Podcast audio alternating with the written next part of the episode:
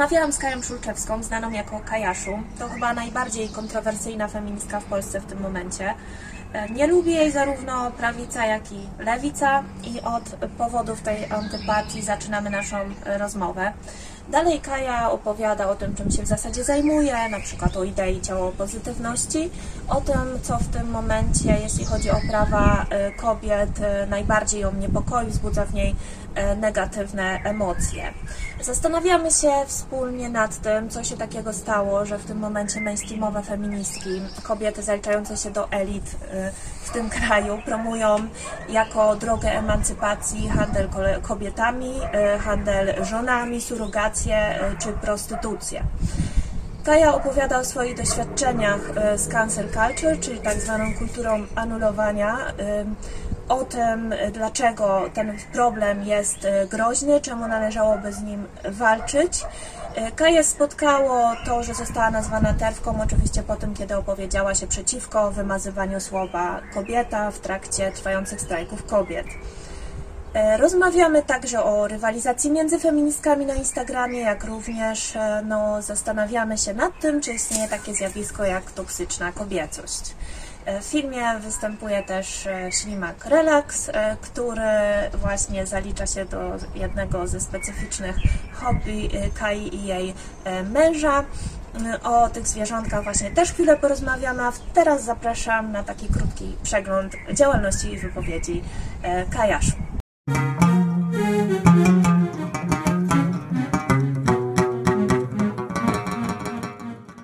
Informacje na temat działań KAI, które pojawiły się dotąd w mediach, można podzielić na te mniej lub bardziej kontrowersyjne. Przy tym kontrowersje rosły z czasem. Zaczynała od promowania ciało pozytywności, w tym od rezygnacji z golenia pach, nóg, okolic bikini. Nagrała wówczas klip y, It's Not About Her, o którym dla Dzień Dobry TVN mówiła. Dałyśmy taką przekorną nazwę tego spotu celowo, dlatego że już w fazie produkcji miałyśmy świadomość tego, że wywoła on dużą dyskusję. Wiedziałam, że tak naprawdę, kiedy wychodzimy od tematu włosów, pokazujemy włosy na ciele, to zaczyna się dyskusja na różne inne tematy. W rzeczywistości możemy myśleć, że to jest film o włosach, ale tak naprawdę to ta reakcja społeczna, którą wywołują włosy, jest punktem wyjścia do rozmowy o nierównościach, o tym, że są podwójne standardy dotyczące wyglądu kobiet i mężczyzn. Polemizowała również ze słowami aktorki Agnieszki Kaczorowskiej, która skrytykowała ciało pozytywność, stwierdzając, że jest to moda na niedbanie o siebie. Kaja. To też nie jest żadna oryginalna myśl, to po prostu powtarzanie sloganów marketingowych branży fit. Może aktorka planuje niedługo jakiś kontrakt i przygotowuje sobie pod to grunt. Oczywiście to żart, ale nie zdziwiłabym się, gdyby tak było. Obserwowałam całe to zamieszanie. Mimo fali krytyki przybyło jej obserwujących, a ruch na profilu miała niesamowity. W tym wywiadzie sprzeciwiła się także stygmatyzacji osób otyłych. Był to już jednak moment, gdy opowiadała się także przeciwko głównemu nurtowi w feminizmie, przeciwko tzw. Tak inkluzywności, dlatego nagłówek w tekście dla Interi e, brzmiał w następujący sposób. Feminizm przegra, jeśli sklei swoje postulaty z hasłami środowisk LGBT i innych mniejszości. Po raz kolejny w historii jesteśmy wpychane w rolę tych, które muszą się troszczyć o wszystkich dookoła. Ważny jest postulat innych, a nie mój. To wbrew feminizmowi, tym bardziej, że postulaty różnych grup mogą wchodzić w kolizję. Potem było nieco trudniej, ponieważ Kaja wypowiedziała się przeciwko zastępowaniu słowa kobieta osobom z macicą czy innym podobnym wyrażeniem i została terwką, czyli feministką wykluczającą osoby transpłciowe. W wywiadzie dla Wysokich Obcasów mówiła, jak ją potraktowano po opublikowaniu posta o kobiecej solidarności. Pod tym postem pojawił się komentarz od osoby, która poinformowała, że czuje się wykluczona, że strajk kobiet dotyczy głównie kobiet, że mało mówi się o osobach z macicami. W tym momencie, prawie miesiąc temu, nie wiedziałam, co mnie czeka, bo gdybym to wiedziała, nie wcisnęłabym żadnej litery na klawiaturze, tylko otworzyła drzwi i wyszła na strajk. Mimo, że pisząc o aborcji pisałam wielokrotnie o osobach z macicami czy osobach w ciąży, wciąż pojawiały się takie komentarze. Poczułam, że sam fakt, że wymieniam kobietę, był już dla, tych nie, dla niektórych nie do przyjęcia. Żachnęłam się się, że ten język, gdzie zamieniamy słowo kobieta na inne, to jest nowomowa, niezrozumiała dla większości i czasem upraszczam celowo przekaz, żeby trafić do szerszego grona. Wtedy się zaczęło. Mimo protestów, między innymi aktywistów ze Stop Bzdurą i Mai Heban, wysokie obcasy nie usunęły Kai e, z jej e, miejsca na liście 50 śmiałych kobiet roku 2020. W międzyczasie wybuchła afera z rajstropami reklamowanymi rzekomo przez Kaję na pogrzebie swojego ojca. Tego dotyczy zdecydowana większość nagłówków, które mi się wyświetlają, bo nazwiska. Są to nagłówki takie jak influencerka chwali się rajstopami podczas czas pogrzebu ojca i pozuje z urną. Michał Zaczyński, performance pogrzebowy z marką ponczoszaną w tle.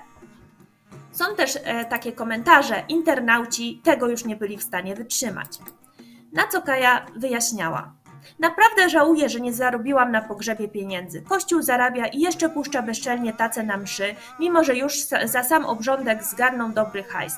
Do tego jeśli cmentarz należy do kościoła, to musisz płacić nawet za obrządek świecki. To jest oburzające.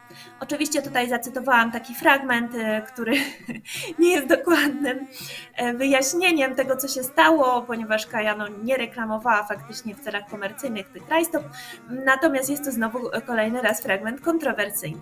Ostatecznie o zjawisku cancel culture, które ją spotyka, e, tłumaczonym czasami właśnie jako kultura mm, anulowania, e, mówiła w następujący sposób. Zapytana o przyczynę unieważniania, Szulczewska mówi, że zainicjowała je recenzja książki Lidii Cacho pod tytułem Niewolnice władzy, które, e, która łączy zjawisko prostytucji z handlem ludźmi. Wtedy lincz na mnie urządziło środowisko związane z lobbyingiem na rzecz zmiany prawa na takie, aby przestać karać sutenerów i alfonsów. Nagle od jednej recenzji stałam się w oczach wielu kimś, kto prześladuje pracujące w seks branży kobiety. Mówiono, że przeze mnie jest im ciężko, że przeze mnie są stygmatyzowane, że je wykluczam, że urządzam wielką kampanię anty tym osobom, wspomina Szulczewska i dodaje, nic tak, takiego nie robiłam, ale kłamstwo było powtarzane tyle razy, że wiele osób w, tym, w to po prostu uwierzyło. Tym bardziej, że trafiło na grupę, której zastępczy wróg pomagał rozładować frustrację związaną z życiowymi trudnościami. Ale Kaja jest też antynatalistką i na ten temat również kilkukrotnie wypowiedziała się w mediach. Jest także weganką i wraz z mężem hoduje nietypowe zwierzaki, takie jak krewetki, ślimaka, mrówki i chrząszcze. Ślimak, jak wspomniałam we wstępie, wystąpił w filmie. Ktoś mógł pomyśleć, że to taka typowa wielkomiejska snopka, ale tak nie jest. Kaja często wypowiada się również antykapitalistycznie i staje zdecydowanie po stronie antykonsumpcjonizmu, e, czyli przeciwko nadmiernemu konsumpcjonizmowi, kupowaniu niepotrzebnych rzeczy i zwraca też uwagę na położenie kobiet, które nie są wpływowe, wykształcone czy zamożne. Zachęcam do odwiedzenia jej profili, gdzie jest mnóstwo ciekawych refleksji, super zdjęcia, treści e, oraz do wysłuchania naszej rozmowy.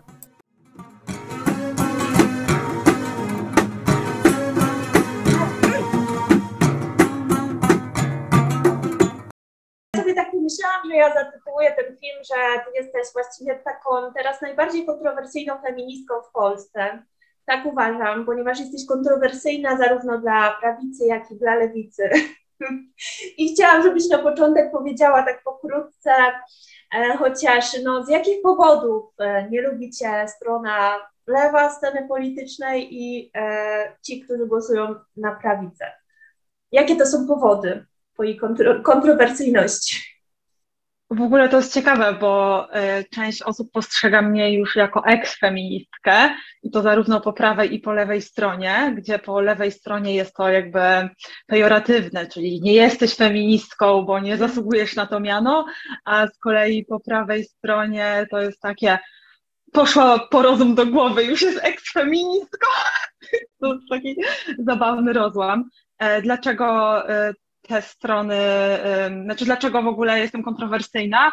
No myślę, że y, prawa kobiet ogólnie w Polsce są dość kontrowersyjne i nawet deklaracja bycia za aborcją do 12 tygodnia ciąży jest e, kontrowersyjna, więc to na pewno jest e, jedną z tych rzeczy, która rozsierdza prawicę. Z kolei lewicę triggeruje, samo słowo tylko w angielsku, ale wiemy, lewica jest bardziej taka światowa, więc z kolei tamtych triggeruje to, że ja właśnie e, mówię o kobietach i um, zaznaczam, kiedy jakieś kwestie dotyczące na przykład e, prawodawstwa wchodzą właśnie w, no w kolizję z tymi prawami kobiet. Czyli jeżeli mniejszości wymyślają przykładowo, że płeć już nie jest e, kategorią biologiczną, tylko staje się odczuciem i tych płci jest w ogóle wiele i tak dalej. I ja mówię, no chwila, ale to ma jakieś tam konsekwencje. Zaczynam przytaczać przykłady ze świata, jak to wygląda, jak to jest wykorzystywane.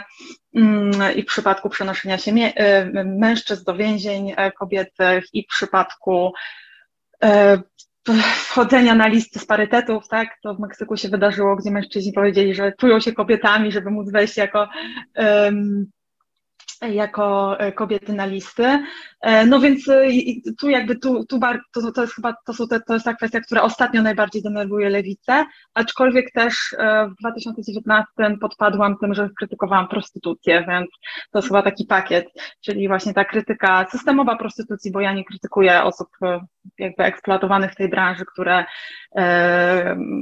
no, które są jakby w, w, moim rozumieniu jakimiś tam większości ofiarami tego systemu i tych nierówności ekonomicznych i klasowych. E, no, więc chyba to tak w skrócie. Prawica za aborcję, a lewica za tą prostytucję i za, e, za słowo kobieta.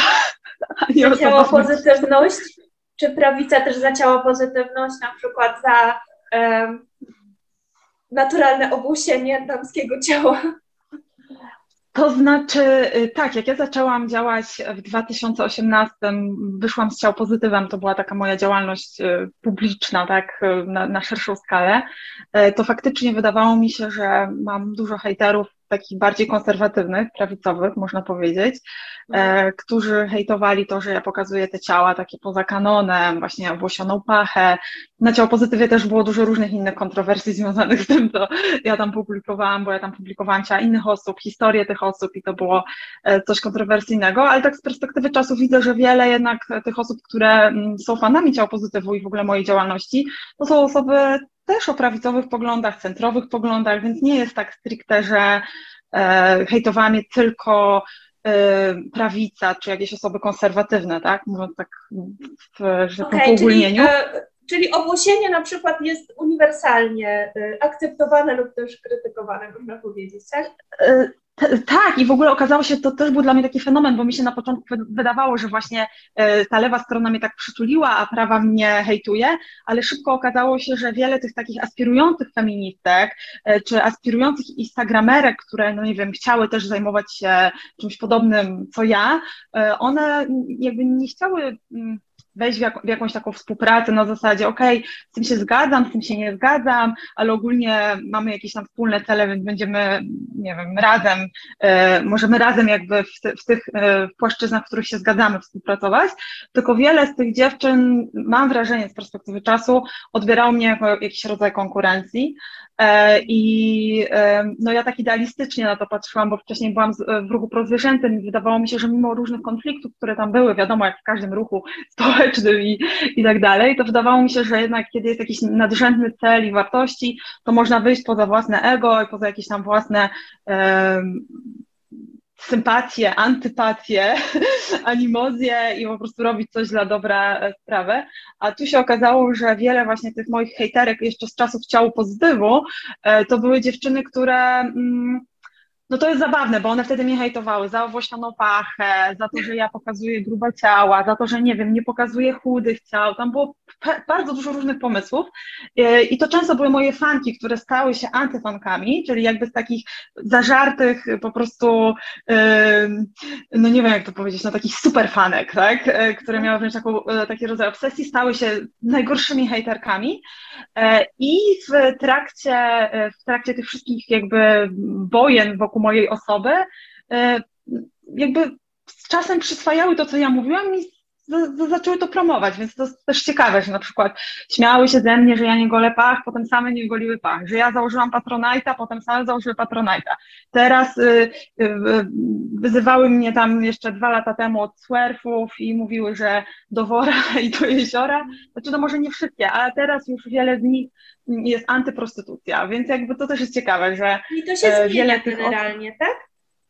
Tak, znaczy, że właśnie wiele tych młodych osób, właśnie z lewicowych, e, czy tak powiem, środowisk może, e, bardziej takich progresywnych, oni na przykład mnie nienawidzą strasznie strasznie ja ich denerwuję, właśnie rozsierdzam ich do czerwoności, ale po jakimś czasie oni jakoś przez to może, że cały czas wchodzą na mój profil, cały czas obsują z tymi treściami, łapią taką negatywną obsesję na moim punkcie, ale siłą rzeczy przyswajają te argumenty, a ja no, nie zwykłam wyzywać ludzi, tylko raczej przedstawiam linki, jakieś tam, no czasem sobie pożartuję, ale ogólnie nie jestem agresywna, więc myślę, że jednak siłą rzeczy one zaczynają przyswajać to i, i część się potem e, nieświadomie czy świadomie jakoś e, właśnie inspirując mną e, zmienia. Ale, ale właśnie tych hejterek lewicowych było dużo i nawet mam wrażenie, że to lewicowe hejterstwo jakby nie wiem, jest bardziej takie zaciekłe na moim punkcie, w sensie, że jeżeli nawet byli jacyś tam chłopcy z wykopu, którzy się śmiali, że ja wrzucam e, zdjęcia pachy i wyśmiewali mnie, że ja tam mówię o kresie czy coś w tym stylu, to oni robili taki jednorazowy wrzut, beka, jeden dzień beki i po prostu milion wiadomości obraźliwych, jakichś paraseksualnych i innych, e, no, no niemiłych czasem nawet jakichś tam gruźb, ale to było takie dosłownie dwa dni tego, potem koniec. A lewicowe, lewicowi hejterzy, no mogę powiedzieć, że do niektórzy od tego 2019, czyli od tej właśnie pamiętnej, ja to nazywam e, swear wars, tak, czyli ta właśnie o prostytucję, od tego prostytucyjnego e, kancelu, no to niektórzy do dzisiaj są moimi hejterami i to są osoby, które ja znam z imienia i nazwiska. E, nieraz osoby, które... Rozumiem, to jeszcze może zwrócimy przy okazji kancelu w ogóle troszkę pogłębić, pogłębimy ten temat, ale chciałam zapytać, żebyś powiedziała może tak swoimi słowami, co właściwie robisz, bo to jest też y, istotne, gdzie oni cię tak y, prześladują, jak, jest, jak byś ty to zdefiniowała, tak? Czym, czym właściwie się zajmujesz? E, właśnie w 2018 roku postanowiłam wyjść z działalnością taką publiczną na, na szerszą skalę i założyłam profil Ciało Pozytyw. E, I ten profil, e, zasadniczo chodzi w nim o ciało pozytywność, czyli ja to rozumiem jako pokazywanie ciał poza mainstreamem, dzielenie się historiami różnych osób związanymi z ciałem, samoakceptacją, z chorobami. Kiedyś tam było więcej jeszcze jakiejś takiej, może nawet edukacji, profilaktyki chorób, w sensie, no, czasem odzywały się osoby z jakimiś na przykład bardzo dziwnymi chorobami, więc ja miałam takie podejście, że nie będę zakładać sekty, tak, ciało pozytywnej, gdzie, y, gdzie są jakieś tam, nie wiem, zasady, których trzeba pilnować, tylko po prostu założę sobie profil, na którym będę pokazywała różnorodne ciała i że to będzie taka przeciwwaga dla tego, e, co na Instagramie w tamtym czasie, czyli to są już 4 lata temu, e, było najbardziej popularne, czyli jakby kontra do tych wszystkich profili fit, do tych wszystkich profili, które tak strasznie cisną o ten wygląd, ale w tej mojej pozytywności zupełnie nie chodziło o to, żeby, nie wiem, namawiać ludzi, żeby nic ze sobą nie robili, czy, czy coś w tym stylu. Tutaj chcę zastrzec, że um, tą bazą wyjściową do założenia tego profilu było moje doświadczenie um, no, około dietetyczne. Ja tam pomagałam ludziom się odchudzać, układam im diety i widziałam, że po prostu brakuje w bardzo wielu osobach takiego, takiej podstawy, którą byłaby samoakceptacja. Więc założyłam ten ciało pozytyw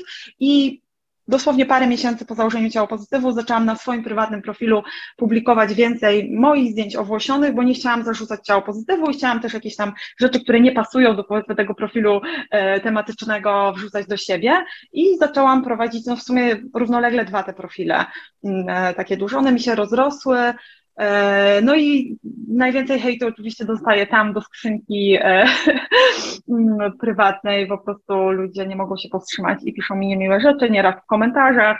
Teraz Instagram już to tam powiedzmy jakoś ogarnął i można znaczy zakazać jakby mm, publikacji komentarzy osobom, które nie obserwują, czy które zaczęły dopiero co obserwować, ale y, no, głównie ten, ten hejt to był hejt y, właśnie na Instagramie, ale też on się zaczął pojawiać na innych profilach, czyli ludzie brali właśnie screenshoty z Instagrama, wrzucali na grupy na Facebooku, tych grup do hejtowania mm, y, no jest sporo. Była nawet jakaś, która była imiennie do hejtowania mnie, około tysiąc osób miała w tamtym momencie.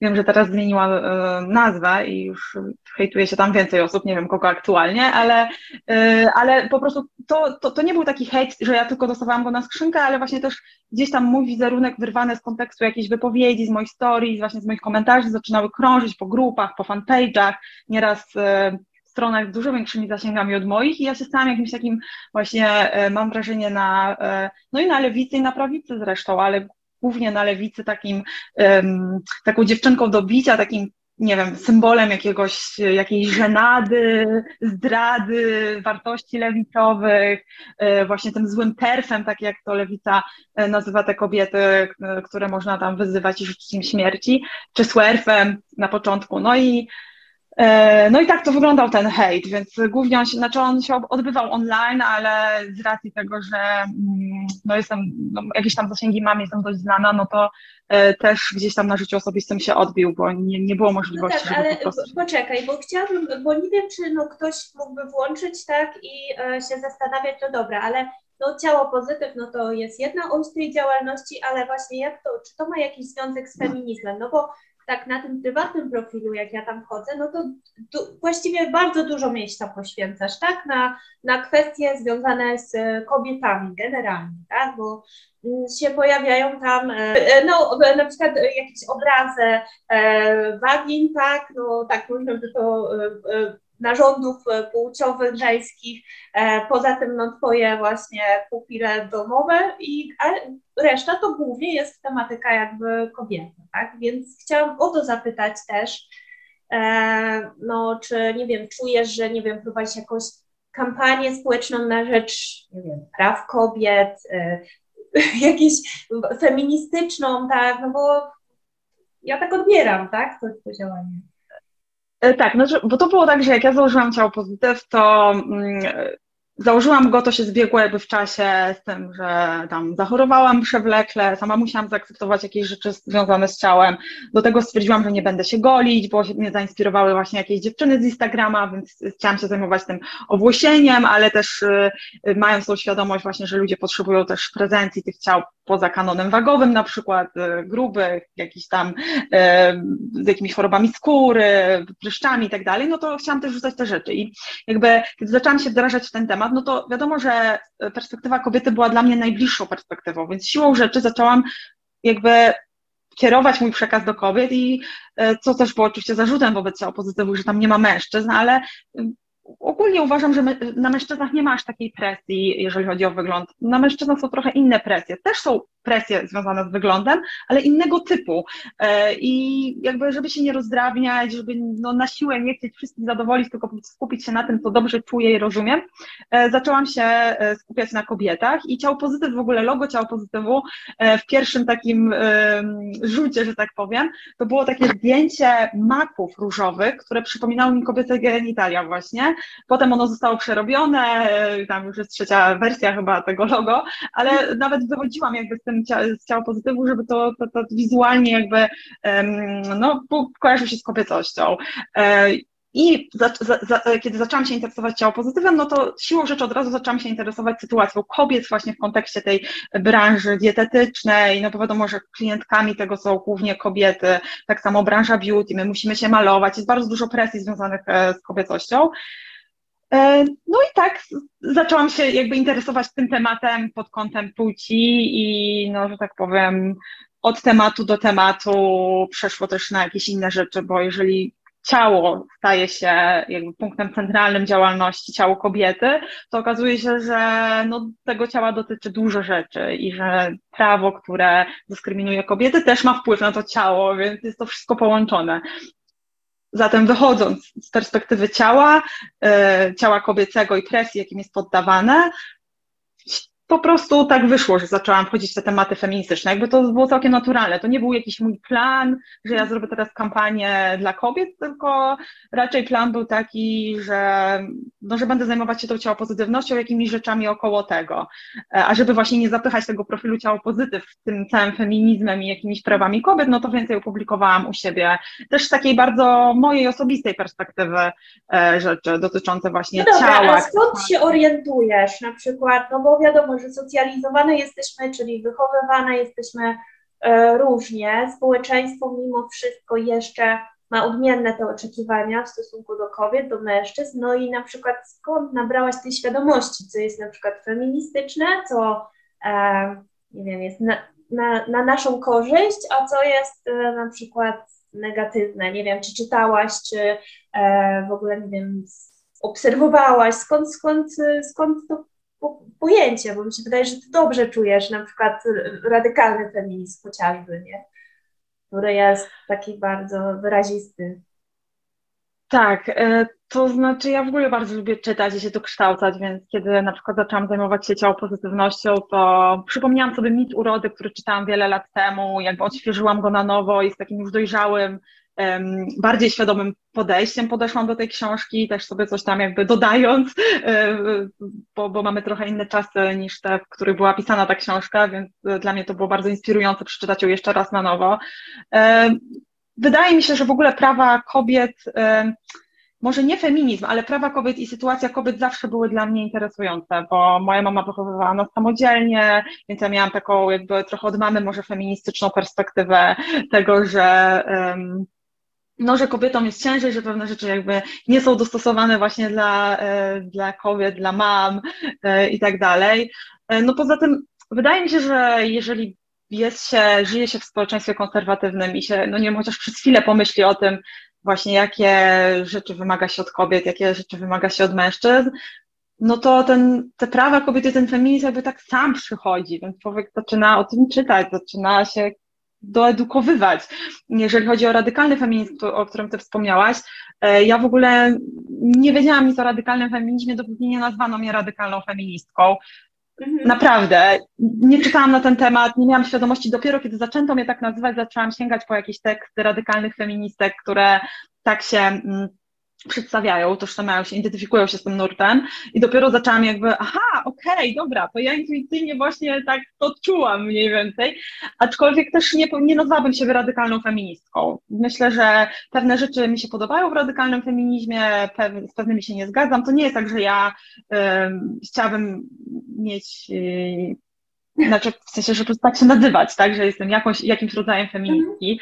E, interesują mnie prawa kobiet tak dosyć szeroko i chciałabym sobie pozostawić ten margines jakby um, niezgody, też ze względu na to, że zauważyłam, że właśnie nazywanie się jakoś, czy nazywanie się właśnie feministką nawet, czy feministką radykalną, czy kimkolwiek innym, niesie za sobą e, taki problem, że później wyznawcy danego nurtu, którzy są bardzo dogmatyczni, takie osoby niedogmatyczne, jak ja y, linczują, robią nagonki i mówiłaś, że jesteś tak, taka i taka, a teraz nas tutaj oszukałaś, więc ja już wolę się pod, pod te różne etykietki nie, nie podłączać. E, ale całe jakby moje zrozumienie radykalnego feminizmu i na przykład e, tego, że kobiety ciało jest uprzedmiotowiane w branży seksualnej, w pornografii, to wszystko wyszło z takiego głębokiego rozumienia ciała pozytywności w moim odczuciu. W sensie to było całkowicie takie ze środka, z takiego medytowania nad tym po prostu kobiece ciało w naszej kulturze, czym jest i tak mhm. dalej. I i ten, i, i, I ten właśnie, ten wątek w radykalnym feminizmie, ja go bardzo tak intuicyjnie i głęboko czułam, zanim się z nim zapoznałam w, w, radykalnym feminizmie. Po prostu coś mi nie grało, chociaż przyznaję, że na przykład jak zaczęłam prowadzić ciało pozytyw, to ta narracja sex work is work no była mi jakoś obojętna, w sensie nie drażniła mi. Dopóki nie weszłam w ten temat, nie zaczęłam czytać statystyk, e, to, to, to po prostu była, jakby mówiłam, aha, okej, okay, no tak się teraz mówi, no dobra. Sama tego nie powtarzałam, też gdzieś tam czułam, że to się nie zgadza do końca z ciało pozytywnością, ale nie wiedziałam, jak jakby nie zagłębiałam się w to, po prostu byłam w innych tematach. Też jest tak, że jeżeli się prowadzi na social mediach jakiś jeden temat, to czasem jest tak dużo wiadomości, tak dużo gównobóż i tak dużo różnych problemów, że człowiek się nie zagłębia, tylko fokusuje się na jednym i ja byłam sfokusowana właśnie na presji związanej z wyglądem, e, na tym, jak wpływa to na kobiety, także od strony takiej ekonomicznej, jak klasowo też e, to wygląda, że na przykład bogate kobiety dają ten e, wzór, tak, wyglądania w jakiś tam sposób, ale jest stać na to, żeby tak wyglądać, a z kolei kobiety biedniejsze próbują to replikować w nieudolny sposób, więc się tam z nich wyśmiewa i tak dalej. W sensie wszystko to mnie interesowało.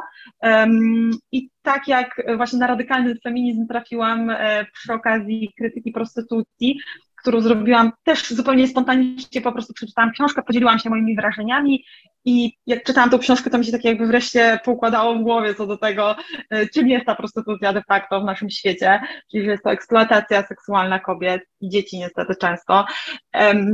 I wtedy zostałam nazwana radykalną feministką i dopiero właśnie wtedy zaczęłam czytać o radykalnym feminizmie i jego podejściu do prostytucji. Więc e, to jest e, ciekawa droga, bo taka, nie taka, że ja byłam tą odczytaną radykalną feministką i miałam w ogóle jakieś takie, taką świadomość, że ja nie, ja nie miałam świadomości, że jest ten konflikt, że ja dając recenzję książki podpadnę jakiejś szajce um, internetowej, jakiemuś takiemu warszawsko, nie wiem, lewackiemu środowisku queerowo-seksworkowemu, które po prostu postanowi mnie dojechać. I pamiętam, że w ogóle ta, ta, ta, ten pierwszy lincz, um, znaczy był dla mnie w ogóle czymś takim, o może, ale no, z drugiej strony było fajne, bo, bo się dowiedziałam właśnie o tym radykalnym feminizmie i zaczęłam e, już wtedy po angielsku czytać dużo stron zagranicznych e, z tego nurtu. Czy gdzieś tam sympatyzujących z tym nurtem, ale tylko wtedy czytałam rzeczy dotyczące prostytucji.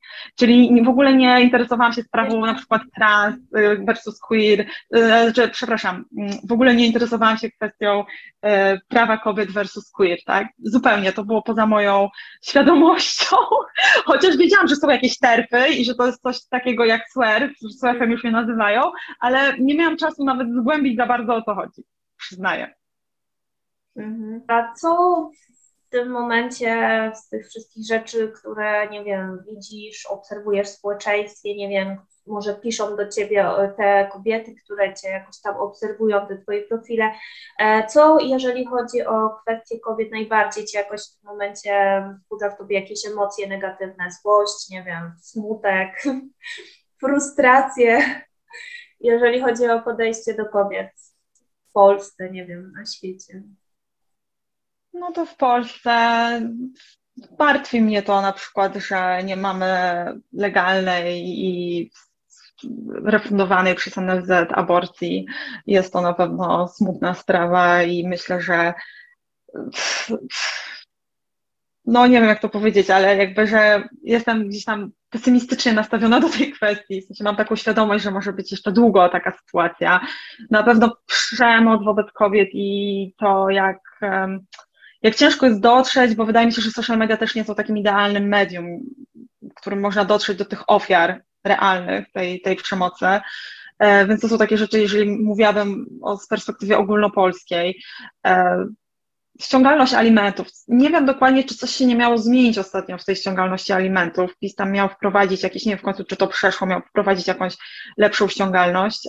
No wydaje mi się, że to też jest ważne, jako wspominałam, wychowana przez samodzielną mamę, to, e, to jakby no mam tą perspektywę, jak może być ciężko kobiecie, która ma sama dzieci do wychowania i jeszcze nie, nie ma płaconych alimentów przykładowo. Znaczy, u mnie akurat nie było tego problemu, ale zdaję sobie sprawę z tego, jak, jak ciężko jest samodzielnie wychować dzieci, e, no bo wychowałam się w takim domu.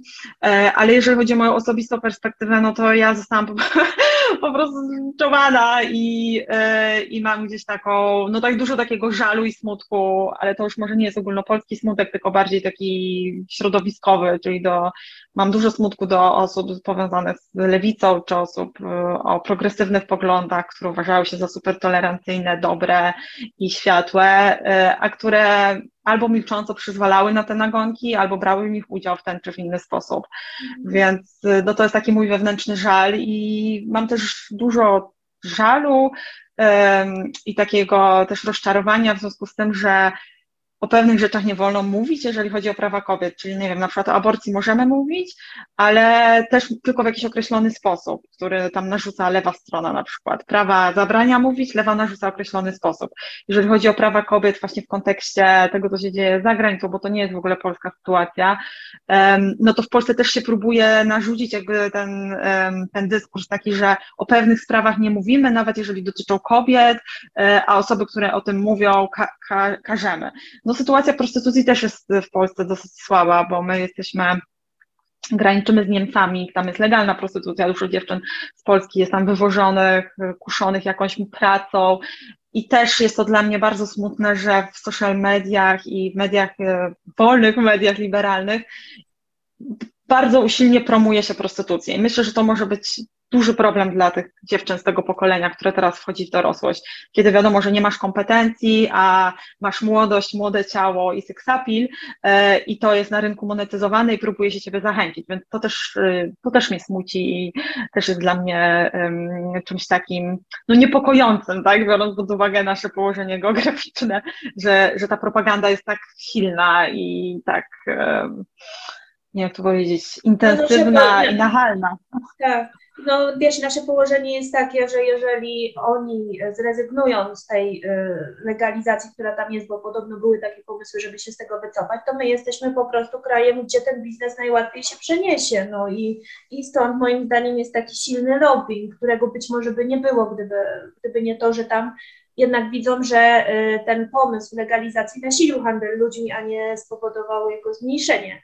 E, więc, e, a ponieważ Unia Europejska zaleca już od wielu lat, żeby wprowadzić ten model raczej eliminacji chęci zakupu niż, niż e, nie wiem, albo osób, które sprzedają seks usługi, albo powiedzmy w ogóle jakiegoś, nie wiem, ułatwienia tej pracy, to właśnie, żeby karać klientów, tak, za Unia jak się wypowiada, no to być może Niemcy to zrobią i wówczas E, I postrzegam to tak jak ty po prostu jako skrajnie nieetyczne, dlatego że te osoby, które to promują, te wszystkie dziennikarki, które robią e, te zachęcające niby reportaże, artykuły, jakieś wywiady, te osoby, ani ich rodziny, to nie będą ich przyjaciółki, córki, wnuczki, to nie, ich, z ich środowiska te dziewczyny tam nie trafią, tam trafią e, dziewczyny, które będą marzyły czasami o trochę lepszym życiu z trudnych środowisk, E, i w trudnej sytuacji życiowej to jest dla mnie po prostu coś e, strasznego, a codziennie faktycznie to widzę.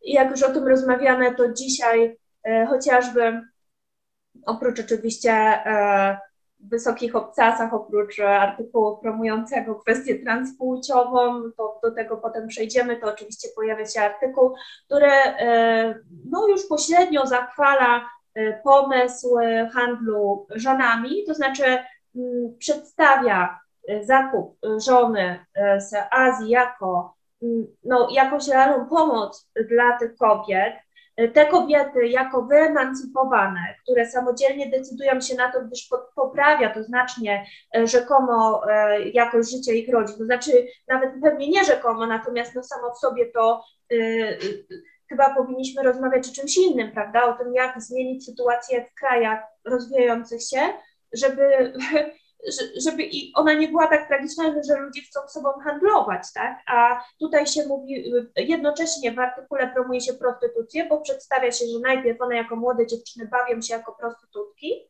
w jakimś tam mieście wyjeżdżają tam ze swojej wsi i tam e, doświadczają życia, mogą się ładnie ubrać. Tam jest wprost tak napisane, że one się mogą ładnie ubrać, e, potańczyć, a przy okazji tutaj zarabiają pieniądze i najczęściej to jest tak, że dzięki temu znajdują męża, który potem, z którym wyjeżdżają na resztę życia e, w ramach kontraktu, no, małżeńskiego, tak, gdzie wysyłają rodzinie pieniądze i tak to jest przedstawione. No, jest to szokujące, więc mam w tym momencie promocję przez elity właśnie prostytucji, promocję właściwie handlu ludźmi, handlu kobietami.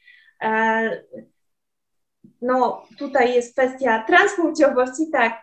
Mm, I no, no tak, no zastanawiam się poniekąd, to może będzie kontrowersyjne, no ale jeśli tutaj przy okazji queer e, był ten problem namawiania lesbijek do, do seksu z y, trans kobietami, no to jakby tutaj nawet mogłabym powiedzieć, że w pewnym sensie jest to promocja gwałtu, no. Y, więc sama zastanawiam się po prostu, co, jakby w którą stronę to idzie i co się takiego dzieje, czy ja coś przeoczyłam po prostu, bo mi się wydawało, nie wiem jak ty, jak dorastałaś, ale mi się wydawało, że to będzie szło w taką liberalną stronę również w Polsce, no i w pewnym momencie oczywiście różne grupy tam otrzymają jakieś tam prawa, no będzie się udoskonalało właśnie taką ściągalność alimentów, e, walkę z przemocą domową i to będzie jakby zatrzymane na tym poziomie. Nie przyszło mi do głowy, że zostanie cała idea odwrócona na naszą niekorzyść i że same kobiety będą się za tym opowiadać. Nie wiem, czy ty masz jakąś w ogóle jakiś e, pomysł, e, co się stało, nie wiem, może ja coś przeoczyłam, i kiedy to w ogóle miało, kiedy to skręciło w tą stronę, dlaczego tak się dzieje? Myślę, że jeżeli chodzi o promocję prostytucji, tak, i w ogóle branży seksualnej jako rozwiązania, jako kariery dla młodych kobiet, to jest tak, że tam, gdzie są pieniądze, tam jest y, możliwość promowania, wpływania na polityków, wpływania na artystów, wpływania na elity intelektualne. Wydaje mi się, że jeżeli tak dużo ludzi na tym zarabia, jest to tak duża mm, ogólnoświatowa, tak, gałąź, można powiedzieć, gos znaczy gospodarek to chyba nie, bo większość, większość krajów nie ściąga podatków, ale mafia na tym zarabia, no pieniądze są w obiegu, w jakimś szarym, szarej strefie, ale jest to tak duża e, grupa ludzi, którzy się z tego utrzymują, e, no że i tak dużo pieniędzy, że nie ma w zasadzie problemu, żeby wykupić sobie aktywistów, e, którzy będą, e, nawet wierząc w to, co robią, tak, będą to promować. I e, zresztą tak samo jest z tymi pomysłami ruchu queerowego, który proponuje mm, redefiniować płeć. Tak naprawdę redefinicja płci jest bardzo regresywna względem praw kobiet i jest dziwne, że tego nie widzą kobiety i nie widzą ludzie, którzy są um, za prawami kobiet. Jest to niepokojące, ale to trochę tak jak właśnie z tą seks branżą. Jeżeli tak dużo i tak nachalna jest ta propaganda, jeszcze używa się do tego właśnie jakichś takich haseł, które pobudzają emocje, pozwalają poczuć się lepiej, kiedy się to czyta, tak? bo kiedy czytamy o prostytutkach, które są szczęśliwe, które wykonują tą pracę, słuchając poezji, bo mają takich wspaniałych klientów i poznają w ogóle nowych ludzi, ach, wspaniała, w ogóle wspaniały zawód dla kogoś, kto lubi seks i tak dalej. Albo kiedy czytamy cały czas o dzielnych, niebinarnych e, osobach, które się coming outowały i tak dalej, no to nie dziwne, że jeżeli jesteśmy zasypywani tego typu treściami, to zaczynamy w nie wierzyć. Kłamstwo powtarzane milion razy stanie się prawdą i tym przypadku, w tych przypadkach tak jest, kiedy, kiedy kiedy tego jest tak dużo, bo w zasadzie nie ma po liberalnej stronie żadnej krytyki. E, może pojawiło się parę artykułów dotyczących tego, że tam, nie wiem, gang sutenerów rozbity, ale nie mamy na przykład w mediach w takiej ilości historii kobiet uratowanych z prostytucji, które mówią, jakie to było ciężkie. Dlaczego? Bo czytelnicy nie chcą tego e, czytać. Oni nie chcą czytać e, o trudnych doświadczeniach, o jakichś świadectwach e, przemocy. To są, to są rzeczy, które raczej ludzi nie, nie wciągają, nie, pozwol, nie pozwolą przyciągnąć reklamodawców gazetom, nie pozwolą zatrzymać na długo uwagi. To jest ciężkie. No, wiele osób powie, okej, okay, nie będę, to jakby jest za dużo dla mnie, więc tych treści też siłą rzeczy nie może być dużo w mediach, bo no bo ludzi by to przytłoczyło. Ogrom tego, tego zła, który się dzieje jest przytłaczający. Jak ja przeczytałam książkę Niewolnicy Władzy, która jest taka reportażowa, ona opisuje różne właśnie sytuacje kobiet z różnych regionów świata, jak to wygląda. Mm, do tego rozmawia z Alfonsami e, Lidia Kaczo i ona tam właśnie mówi, że e, ci, znaczy ci Alfonsi jej mówią, że tak, no nam się opłaca mówić, że kobiety mm, to wyzwala i że będą mieć pieniądze i że będą niezależne, bo w ten sposób nie musimy używać już przemocy stricte, tak, fizycznej, tylko możemy używać przemocy ekonomicznej. Uzależniamy te kobiety od jakiegoś tam luksusu, wmawiamy im, że to jest ich wolny wybór, też znosi to naszą odpowiedzialność, mówimy, no przecież sama wybrałaś, sama chciałaś e, i jest to też taki element psychologicznej manipulacji i gry z tymi, e, z tymi kobietami, które są w to wciągane przez Alfonsów i ten Alfons tam w tej książce sam przyznaje, że tak, no to jest e, dobre, to jest fajne, cieszą się z sex worki Work, który wymyśliły feministki, chociaż to też właśnie, czy to wymyśliły feministki, czy to wymyśliły aktywistki, które też miały jakieś, um, jakieś swoje biznesy, bo przecież ta mm, jak ona się nazywała, ta, która opiniowała dla Amnesty International ten dokument o tym, żeby um, żeby mówić właśnie sex work is work i legalizować prostytucję. Alejandra Gil, ona została skazana za handel ludźmi w Meksyku, w związku z czym, a była tam jedną z prominentnych, była chyba wiceprezeską tego, e, tej globalnej sieci sex workowej, z której wywodzi się zresztą nasze polskie e, SWP, jakby jest zrzeszone z tą organizacją, więc e, no tak jest, no na Instagramie na przykład teraz już trochę jest takich kont e, radykalno-feministycznych czy abolicyjnych, ale nie było tego. W 2019, jak ja dałam recenzję tej książki, to tego nie było. W polskim feminizmie z takich e, znanych publicystek, które coś pisały więcej na ten temat, no to była Magdalena Grzyb, ona pisała w kulturze liberalnej e, i ja też tak się z nią poznałam, bo wygooglowałam jej teksty i nie mogłam się powstrzymać do niej napisałam po prostu, bo czułam się strasznie samotnie, że nie, nie ma tekstów feministycznych z perspektywy feministycznej krytykujących e, ten, e, no, tą branżę.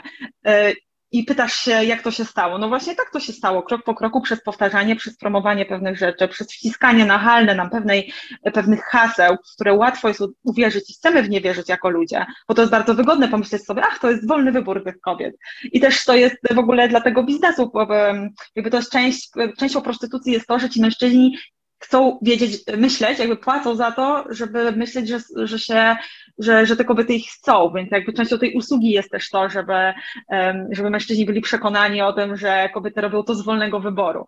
Zatem nie widzę innego wytłumaczenia, jak po prostu pieniądze, mm, a z kolei ten feminizm taki klasyczny, który skupia się na problemach kobiet takich bardzo materialnych, no to nie jest aż tak dofinansowywany. Oczywiście jest dofinansowany, ale nie tak dużo osób na nim zyskuje. Wiesz, co mam na myśli, że kiedy bardzo dużo osób zarabia na jakiejś branży, to ma, to chce ją utrzymać, a feminizm to nie jest coś, na czym dużo osób zarabia raczej mało osób na tym zarabia, jakieś kobiety w NGO-sach coś tam e, sobie ciłają, ale to nie, to, to nie jest wielki biznes. Feminizm jest antykapitalistyczny w pewnym sensie, e, no bo na przykład krytykuje branżę dietetyczną, beauty, czyli jest, jakby stawia tamę temu, temu, że my musimy cały czas konsumować, w pewnym sensie przynajmniej, można go tak widzieć.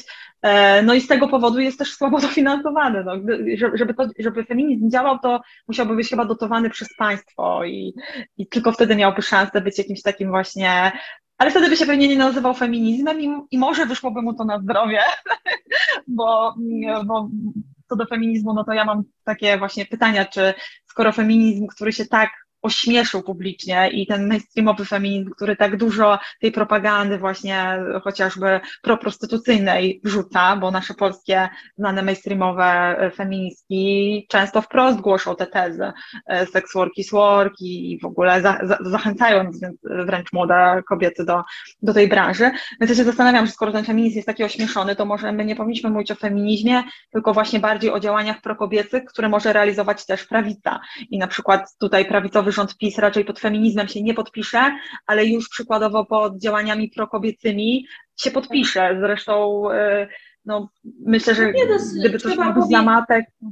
Właśnie chciałam powiedzieć, no doświadczenie jest takie, że wbrew temu, co zrobili, wywołali największe protesty w związku z zakazem aborcji, jakie miały chyba od kilkudziesięciu lat miejsce w Polsce, ale wbrew temu e, gdzieś tam mniej medialnie wykonują działania, które są no, profeministyczne. No. Nawet doprowadzono po bardzo wielu latach chociażby do, do tego ułatwionego usunięcia sprawcy przemocy z domu. No, to była taka rzecz, co femi- na którą feministki czekały bardzo długo. Tak? I e, teraz jakieś działania przeciwko też hejtowi, pewnie to w związku z tym, że Unia to zaczęła podnosić e, przemocy internetowej wobec kobiet, więc myślę, że tutaj też, no ale jakieś, e, jakieś kwestie takie istotne dla e, codziennego życia, no, no, no są, no, no 500 plus to też jest takie działanie, które e, no, robi łatwiejszym życie przede wszystkim kobiet. Tak? No, jednak nadal kobiety głównie wychowują dzieci, więc w związku z niską ściągalnością tych alimentów, no to to na pewno jest wielka pomoc.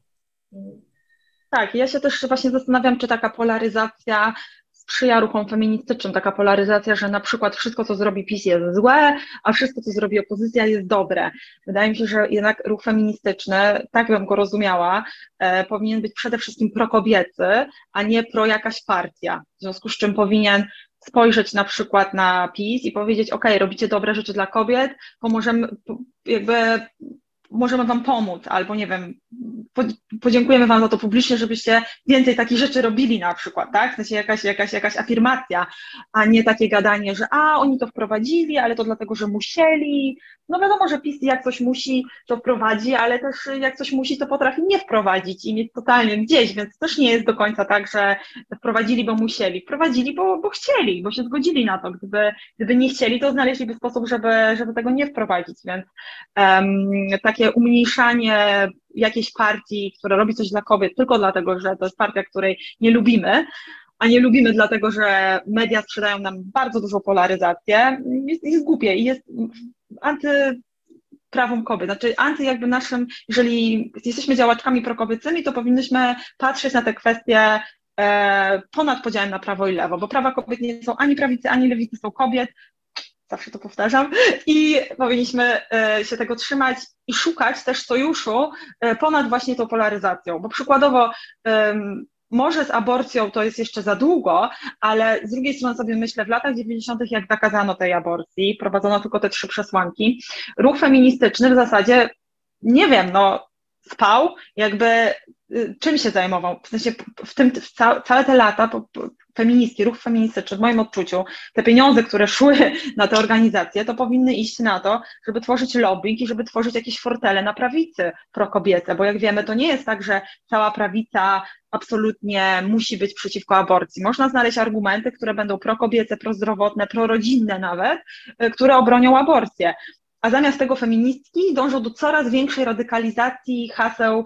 w stronę właśnie polaryzowania, czyli już nie wystarczy powiedzieć, że y, to okej okay, mieć aborcję, teraz już trzeba powiedzieć, że można mieć tych aborcji 50 y, po prostu jedna po drugiej, że w ogóle no jakby idzie w stronę takiego spłaszczania tych haseł, robienia ich coraz bardziej radykalnymi. Znaczy ja rozumiem, że to może być jakieś tam sensowne, żeby po prostu tutaj były te radykałki i, te, i, i dzięki temu, nie wiem, konserwatyści mogą, y, mogą się przesunąć o krok w lewo na przykład, ale uważam, że, y, że jeżeli robią to wszystkie organizacje feministyczne, w tym kraju największe, to coś jest nie tak i że budowanie sobie też zasięgów na temacie właśnie praw kobiet, w momencie, w którym nagle się okazuje, że organizacja, która miała być oddolna i dotyczyć kobiet, zaczyna promować Tutaj przyjmujmy uchodźców z granicy z Białorusią, e, tutaj e, musimy za e, jakieś tam prawa trans, tutaj coś i nagle się okazuje, że ta organizacja, która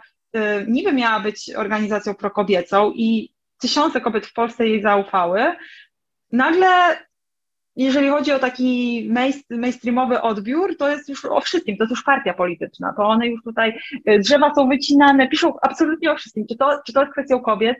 No nie. Ja sama jestem weganką, sama jestem e, e, proekologiczna i tak dalej, ale nie, nie uważam, że jeżeli miałabym organizację, nie wiem, mam ciało pozytyw na przykład, no tak, mam swój profil i na tym ciało pozytywie nie piszę o, nie wiem, nie wycinajcie drzew, nie wykorzystuję mojej platformy do szerzenia jakichś rzeczy zupełnie niezwiązanych e, z ciałem kobiecym, tak, czy w ogóle z ciałem. Więc tego bym też oczekiwała od organizacji kobiecych w Polsce, żeby nie mieszały tych tematów i e, no, potrafiły wyjść ponad e, takie własne animozje i no na tak, przykład zacząć wiesz, rozmawiać z tą prawicą. Mhm. No właśnie, teraz czytam książkę o tym gender critical feminizm, która wyszła jakiejś takiej filozofki australijskiej, pisałam Ci o tym. Ona e, mówi, próbuje przedstawić tą ideę, no oczywiście, bo mamy już kilka tych książek, ona tu próbuje przedstawić tą ideę też no, na tle w ogóle mm, takiego ruchu feministycznego, ale też no, e, w sposób pozytywny, czyli nie tylko jako krytykę, tak jak Stok na przykład zrobiła, co my często, najczęściej robimy, ale też jako, jakby to, jaka jest wizja tego e, krytycznego właśnie feminizmu. E, I e, no to oczywiście krytyczny feministów od razu dodaje, tak, chodzi o tak zwane terwki, e, też bardzo często, tak.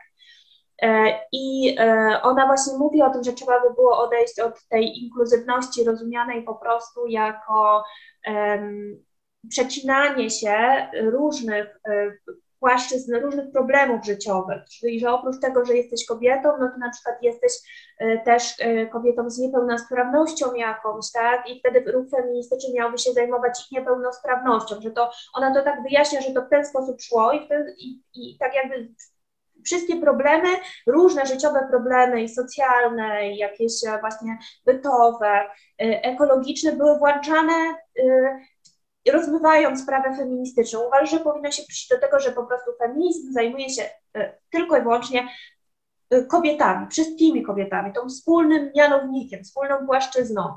E, ale oczywiście kobiety mają też inne wymiary życia, no bo jesteśmy 50% społeczeństwa, ponad w związku z tym mamy inne wymiary życia, ale od tego powinny być inne ruchy, prawda? Czyli na przykład jeśli ktoś jest też głuchy, no to na przykład zajmuje się tym stowarzyszeniu e, właśnie dla tych osób, tak?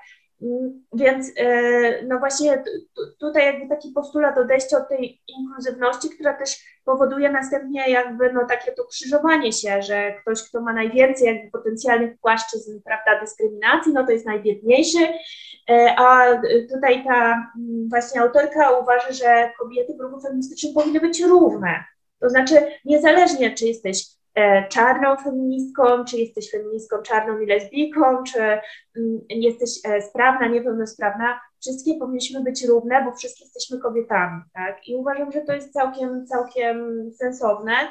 No a poszło to w, ten, w tą stronę, którą ty mówisz i ja się też temu dziwię, dlatego że no tak logicznie, jeśli e, ponad 50% w Polsce jest jednak bardziej konserwatywna i prawicowa, bo e, jednak te partie nadal mają bardzo wysokie poparcie, szczególnie jak się łącznie wszystkie sumuje, jak się sumuje konserwatywny elektorat Platformy też, tak, e, no to oznacza, że my musimy działać nie na rzecz utrzymania swojej bań, bańki razem, żeby nam poparcie nie odpłynęło, tylko na rzecz pozyskania.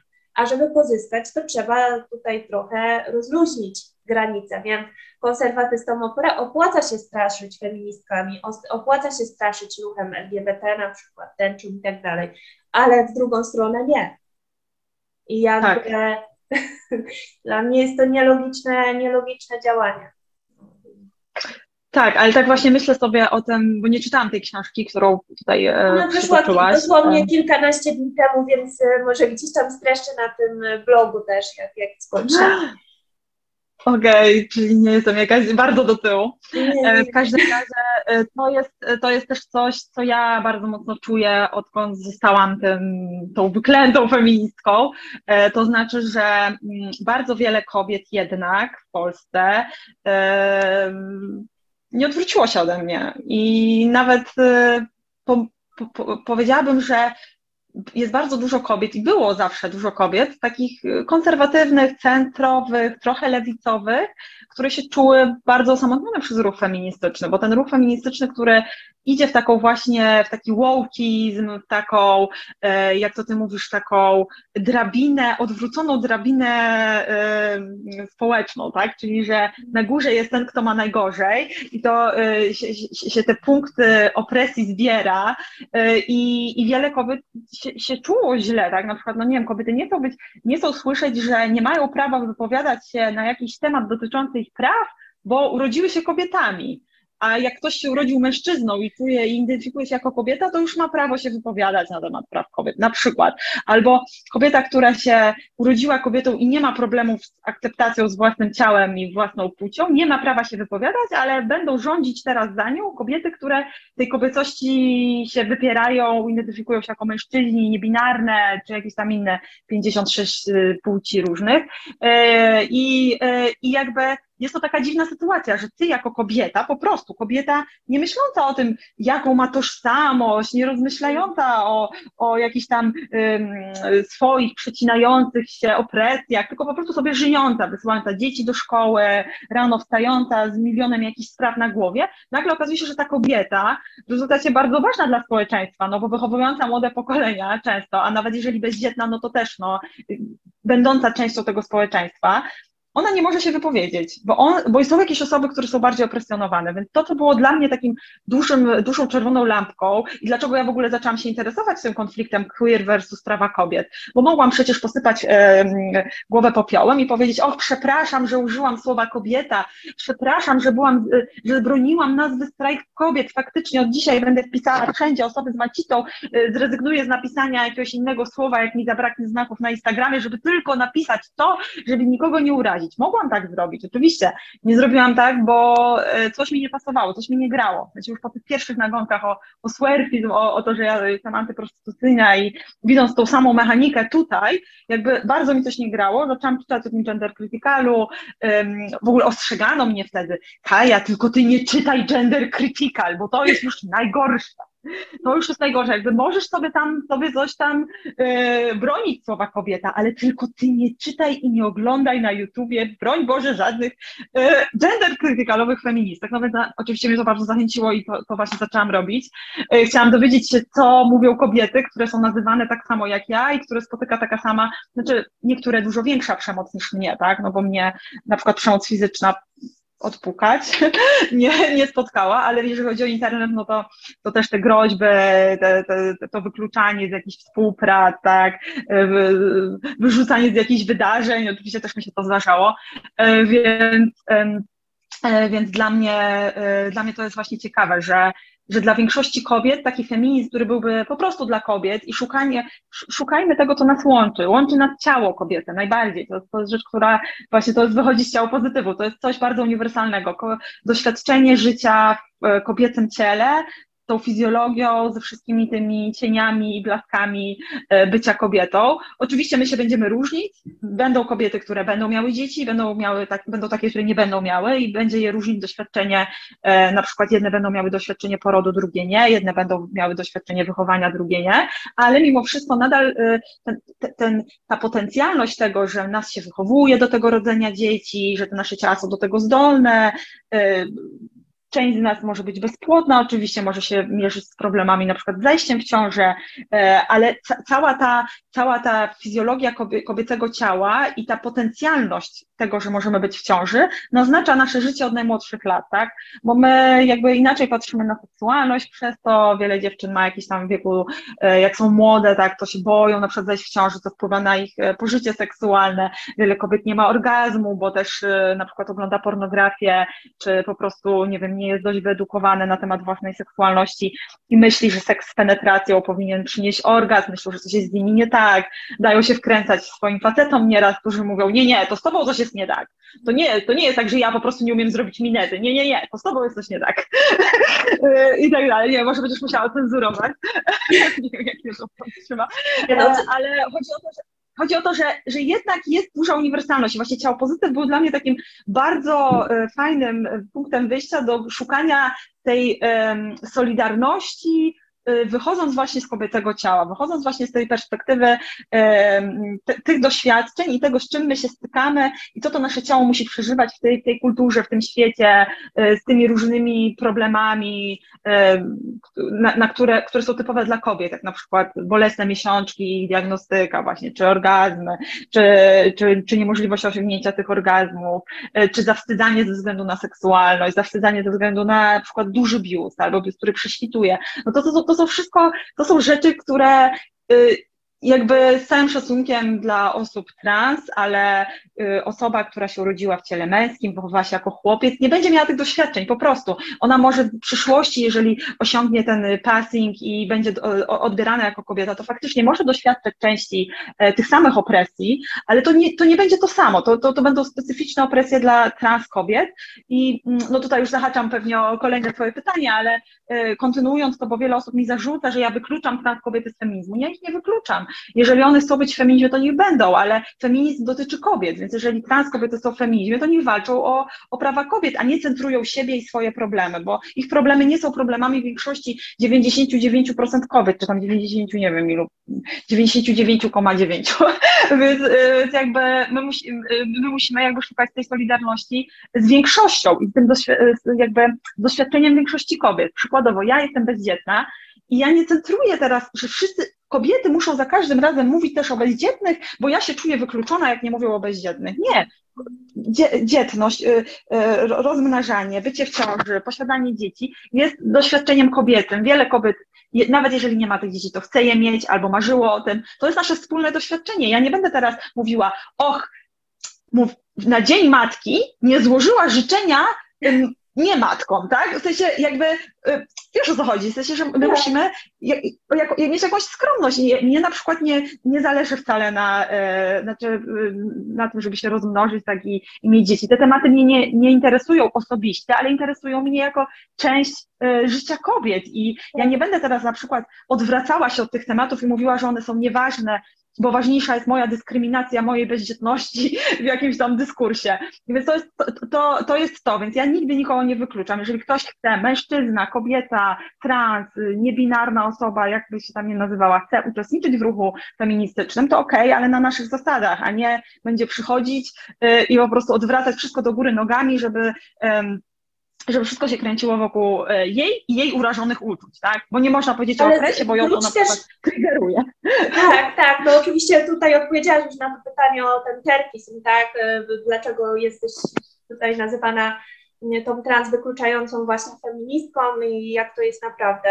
E, no bo wiemy, to już kilka razy to w tych filmach poruszałam z różnymi dziewczynami, że generalnie no to właśnie nikogo nie wykluczasz, tylko stawiasz granice ja w ogóle jak tak mówisz o tym właśnie, że są ludzie mogliby z różnych powodów czuć się właśnie wykluczeni, urażeni, ale z jakichś przyczyn e, ten ruch lewicowy cały i queerowy, bo właściwie teraz to lewica jest wyłącznie postmodernistyczna. Ja już odkryłam to, że nawet w aspekcie ekonomicznym tak jest, jak się temu bardziej przyjrzeć, ale to już jest inny temat. Natomiast oni wyznaczyli pewne pola, które są podstawą ura, urazy, mogą być podstawą uzasadnionej urazy i inne, które nie. No więc właśnie na przykład y, na razie jeszcze nie padło na to, że chociaż, przepraszam, dziewuchy dziewuchom coś mówiły chyba o braku dzieci, prawda, w Dzień Matki, czy też nie czy to, czy to, e, to nie, czy nie było. No bo generalnie wiesz, chodzi o to, że no, ludzie są po prostu różni i e, gdyby tak na to patrzeć, to w ogóle byśmy nie byli w stanie funkcjonować, bo każdy ma jakieś tam pole, tak? Mm. Do urazy. No w, ogóle, e, w ogóle wiesz, nawet jakby patrzeć na mniejszość, to każdy jest w jakiejś tam mniejszości też, tak? Z jakimiś poglądami. No pewnie mniejszość kobiet nie ma dzieci, tak jak my na przykład, tak? No więc tak, to byłoby dobry, dobre jakieś tam pola. Nie wiem, przyszły mi do głowy właśnie na przykład sportsmenki. No bardzo specyficzna grupa kobiet. Aktualnie e, właśnie w takim aspekcie cielesnym. Ich problemy są naprawdę często specyficzne, gdyż pod wpływem dużej ilości treningu, no mają na przykład też trochę inaczej y, problem z, z, z cyklami, no z, z, jakby z gospodarką hormonalną i tak dalej, z utrzymaniem w ogóle ciała odpowiednim zdrowiu, też w takim innym aspekcie, no bo sport jakby też, tak, ale, ale no to są specyficzne problemy. No i e, generalnie one też są w mniejszości, a jednak przychodzą trans kobiety na przykład i są do tego sportu włączane i ich krzywda jest wedle lewicowego ruchu ponad jakby, e, jakby krzywdą ewentualną sportsmenek, więc no nie, to jakby tutaj dostrzegam jakby niespójność e, te, te, tego wszystkiego i że wszystko się kręci generalnie tak no, na płaszczyźnie tej seksualnej jednak, nie? I nie wiem, czy ty myślisz, że na przykład y, ludzie są naprawdę nadal tak bardzo konserwatywni i tak bardzo potrzebują, nie wiem, emancypacji właśnie w tym zakresie, że nie wiem, że to, to, to jest uzasadnione, że no, nie wiem, trzeba szczególnie cisnąć tą sferę właśnie, nie wiem, tożsamości, orientacji, nie wiem, parafilii już dalej, tak, czy nie, nie, no to wydaje mi się, że nie, ale ludzie faktycznie są konserwatywni, nawet ci, którzy deklarują progresywne poglądy i myślę, że stąd wynika ta potrzeba wiary, wiary, w której nawet nie będzie Boga, nie będzie duszy, nie będzie, znaczy dusza to akurat jest tam w tej, w tej wierze, tak. męska w żeńskim ciele i, i vice versa, ale jeżeli chodzi o o w ogóle ruch woke, czyli właśnie tę, lewicę tożsamościową, postmodernistyczną, jak mówisz, która się wywodzi z tej filozofii postmodernistycznej, to ja to widzę tak, że to zastępuje wielu osobom wiarę, bo tak mamy tam, e, jest nowy rodzaj heretyków, no, ja jestem heretyczką, nowy rodzaj apostatów, ja jestem apostatką tęczy, e, e, jest nowy rodzaj dogmatów, nowy rodzaj też wierzeń właśnie w jakieś energię, to już nie jest dusza stricte, tak jak w chrześcijaństwie, ale jest też dusza jako takie wewnętrzne, jakieś jakaś tożsamość, coś takiego wrodzonego, co jest z jakiejś płci i może być niezgodne z ciałem. Jest tam dużo metafizyki, więc e, moim zdaniem mm, to wynika w dużej mierze z wychowania konserwatywnego. Jest to jakieś takie, tam są jakieś takie wątki postchrześcijańskie w ogóle, to grzeszenie na przykład e, właśnie słowem, na przykład no tak, no myślą, słowem, uczynkiem i zaniedbaniem.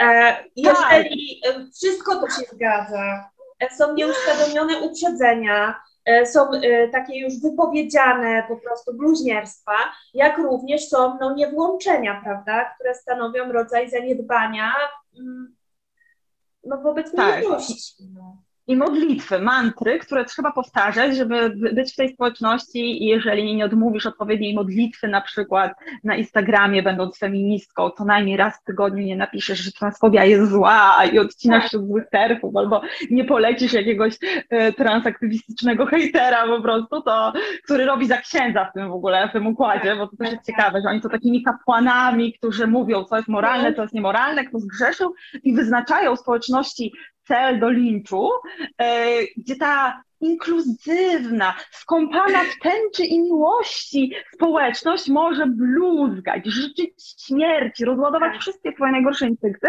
ale to jest jakby rozgrzeszone, to jest jakby, to jest na to dyspensa, tak?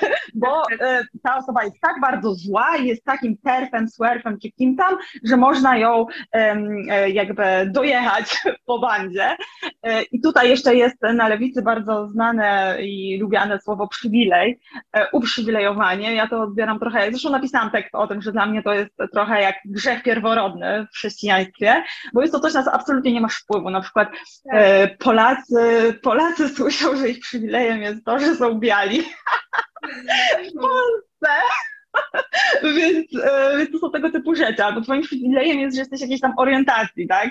No jakby to nie jest przywilej, to jest coś wrodzonego i nawet jeżeli ktoś ma gorzej z jakichś różnych powodów, bo nie urodził się w takim ciele albo takiej orientacji, mm, czy ma jakiegoś typu problemy, to nadal y, zawstydzanie i, i odbieranie głosu tym, którzy po prostu mają lepiej bo mają lepiej, jest, jest bez sensu i jest też formą jakiegoś takiego, no właśnie y, moim zdaniem to jest taki rytuał y, religijny, że jakby ty jesteś uprzywilejowana i wtedy ta uprzywilejowana musi się bić w piersi. Jestem uprzywilejowaną, białą, ci, tak. hetero, z dużego miasta, wykształconą i tak bije się w pierś przez ileś, wymienia wszystkie swoje te i nagle one są odpuszczone. Skoro je wypowiedziała, to nagle magiczna formuła i nagle to, że nie wiem, skończyła Oxford, e, ma widzianych starych i po prostu nagle tego już nie ma. Ona teraz może mówić, co jest moralne, co jest niemoralne, e, mówić te mantry i wspólnie znęcać się nad jakąś właśnie wyznaczoną heretyczką, wiedźmą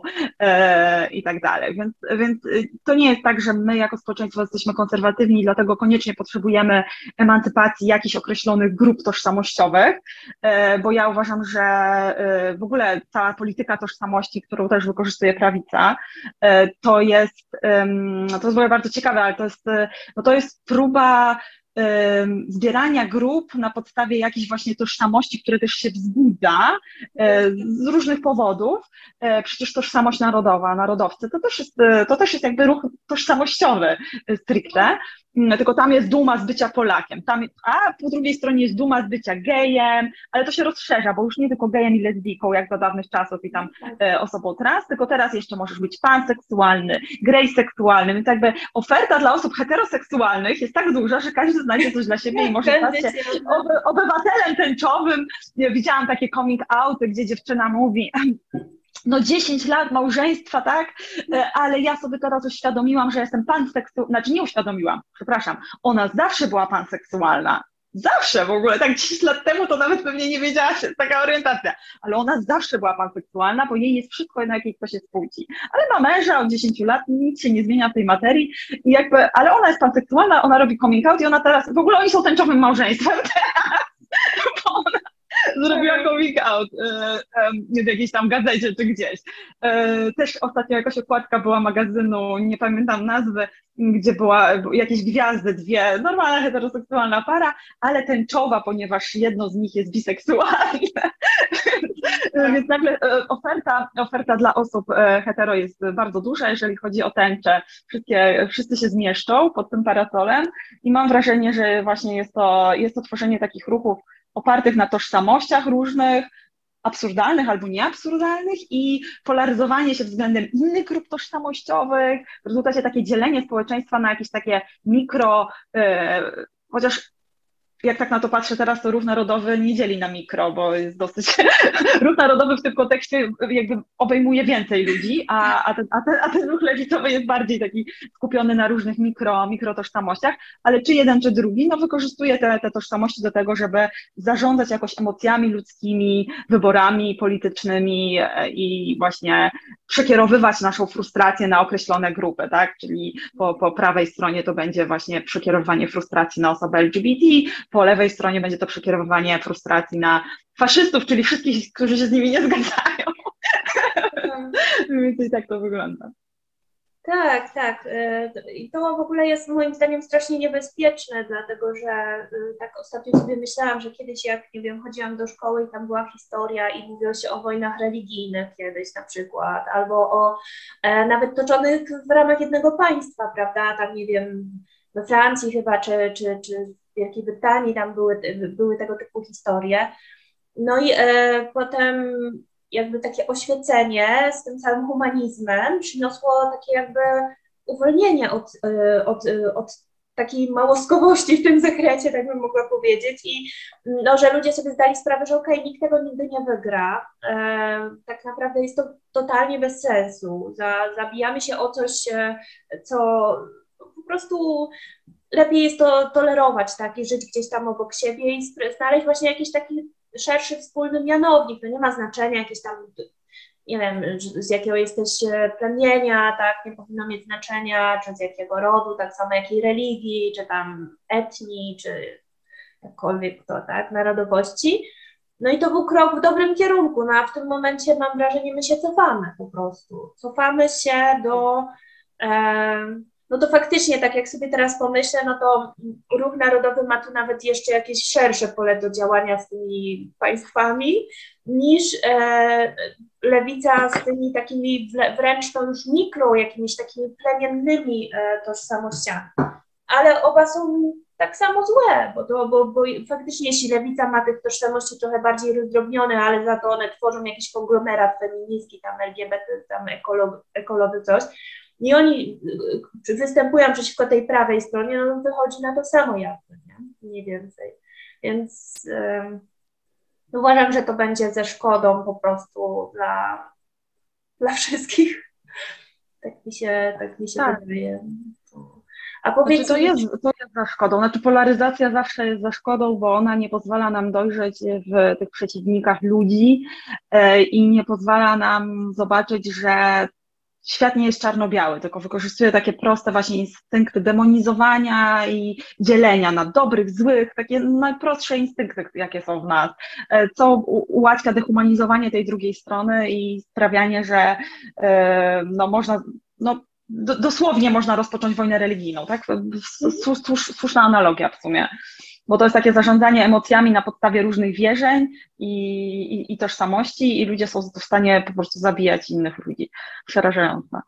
No i tak naprawdę teraz sobie pomyślałam, że całkiem może to nie najgorzej się dzieje, że też gdzie niegdzie ta populistyczna prawica w krajach zachodu też wygrywa, bo zastanawiam się, co by było, gdyby na przykład wygrywała u nas i nie wiem, w tej części Europy Środkowo-Wschodniej i mielibyśmy znowu jakiś taki konflikt e, zimnowojenny, tak? I no, biorąc pod uwagę też, że Wschód jest dość autorytarny i raczej nie poszedł pomimo tych starań nieudanych e, Zachodu w stronę takiej demokracji właśnie zachod w zachodnim stylu, no to ta sytuacja międzynarodowa się robi naprawdę trudna i wydaje mi się, że dodatkowo dokładanie tutaj do podlewanie tego tym sosem wewnętrznych konfliktów tego typu o tak naprawdę o, o pierdoły, bo większość ludzi mam wrażenie ma, jak się pogada, poglądy tak bardziej centrowe, no one się tak rozkładają, że tych radykalnych jest najmniej, a się próbuje za wszelką cenę ich docisnąć z każdej strony, e, no i, i to nie, nie budzi to w ogóle mojego optymizmu. Ale... ale... to jest ciekawy paradoks, że oni, ich jest najmniej, ale oni jakby mm, są najgłośniejsi i jest takie wrażenie, jakby to tylko oni dyktowali warunki. A powiedz mi, dobra, a tak się zastanawiam, obserwujecie sporo osób, pomimo tego, że poruszasz temat no po prostu niszowy, bo ja też próbuję go czasami poruszać, o co mi chodzi właściwie tutaj z tym e, sprzeciwem wobec e, queer, e, czemu mi się nie podobają niektóre działania właśnie tak zwanego ruchu LGBT, czemu mi się nie podoba współczesny feminizm, próbuję o tym mówić i mało osób mnie rozumie. Oczywiście jak tam albo potrzebuję dużo słów nadal, żeby opowiedzieć i wtedy czasami się zdarza, okej, okay, w sumie to masz rację, na przykład jeśli chodzi o tutaj o kwestię próby zmiany orientacji seksualnej, to mi się udało wytłumaczyć kilku lesbijkom, że no, nie jest to korzystna sytuacja, jeśli oprzemy orientację nie na tak, seksie, tak, w angielskiego nie na płci biologicznej, lecz na tożsamości. To mi się udało. Udaje mi się też, e, zrozumiała dość jest intuicyjnie niechęć wobec prostytucji, ale nadal jest tam więcej chyba faktycznie uprzedzeń wobec osób, które to robią, niż wobec y, przemocy, której, y, jakby, która, y, której, do, która ma miejsce wobec nich, tak? Więc nie wiem, zastanawiam się, jak jest z odbiorem takiej sporej grupy, która Ciebie obserwuje? Czy to interesuje w ogóle kobiety, czy wręcz nie wiem, jak powiesz cokolwiek na ten temat, to Ci odpływają obserwujący, czy w ogóle wchodzą w polemiki na ten temat, czy też, nie wiem, na przykład interesuje Twoje obserwujące zdecydowanie, nie wiem, macierzyństwo, nie wiem, jakiś styl życia, właśnie ciało, coś innego. No ja z moim profilem, jeżeli chodzi o Kajasz, bo tylko tam to publikuję, e, to już od 2020, czyli to już będzie drugi rok, jak jestem dosyć aktywna w tych tematach, aczkolwiek piszę też na dużo różnych innych tematów, więc to też nie jest tak, że ja mm, mam taki bardzo tematyczny profil.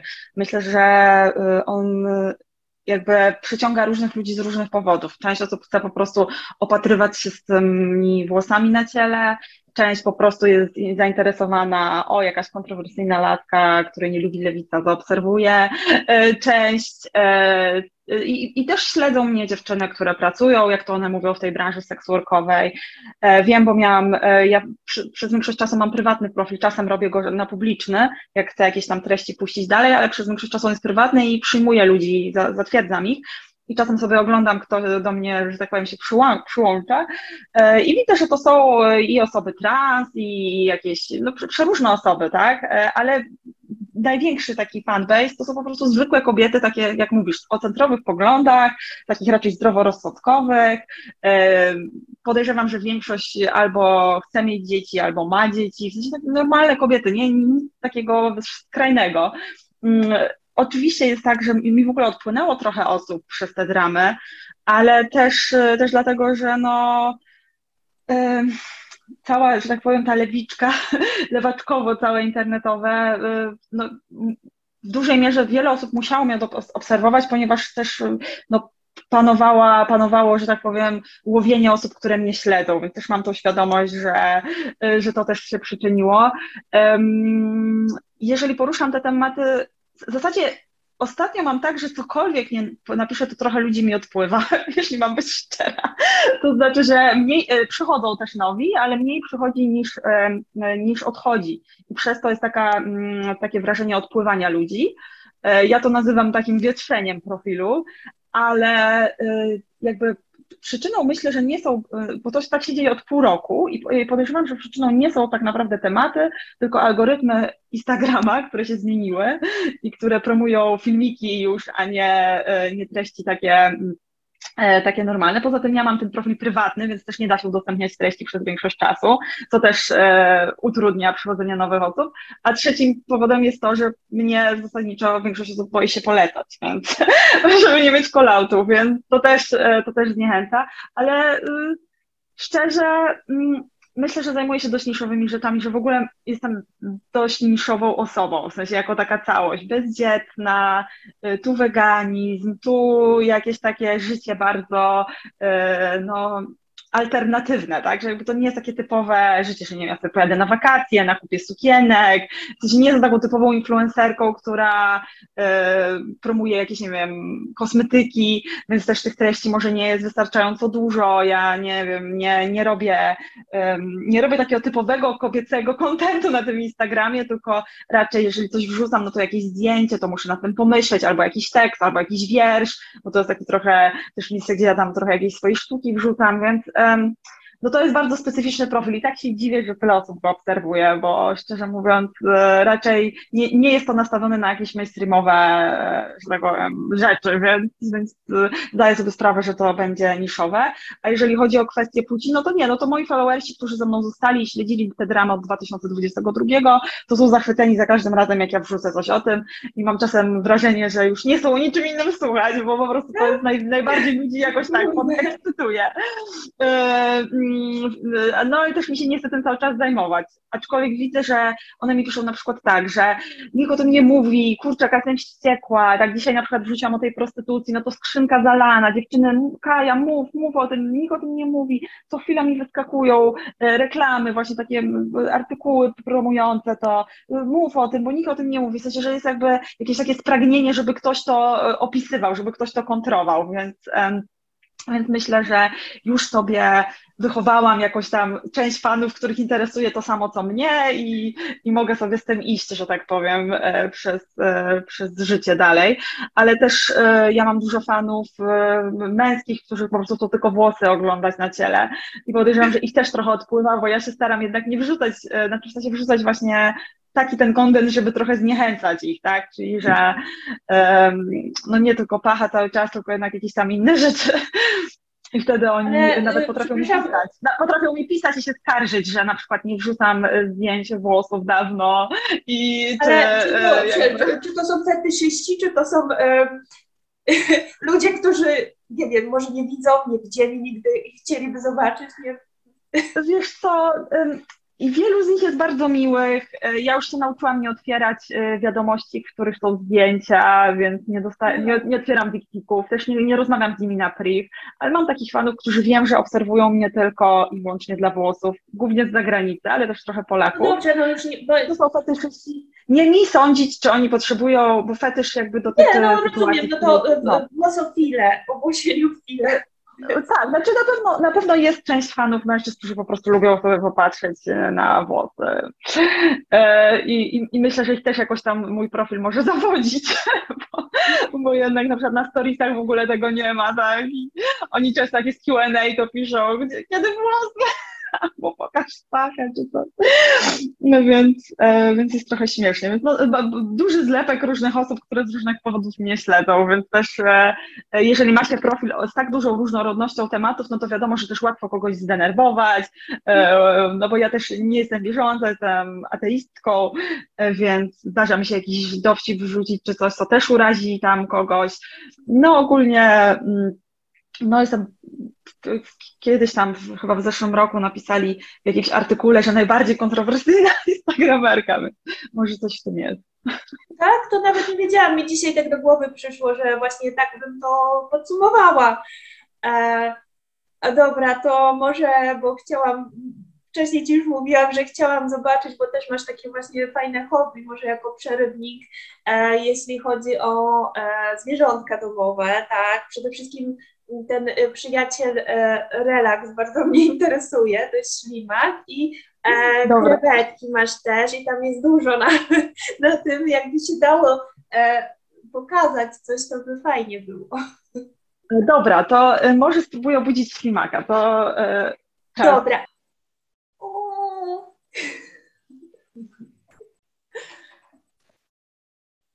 O, jestem? Wspaniały. Wspaniały jest. Bardzo dziękuję. Właśnie chciałam strasznie zobaczyć go. E, I to jest, ile on ma już lat, czy tam miesięcy? Nie wiem jak. jak... Trzy, lata chyba. Coś koło trzech.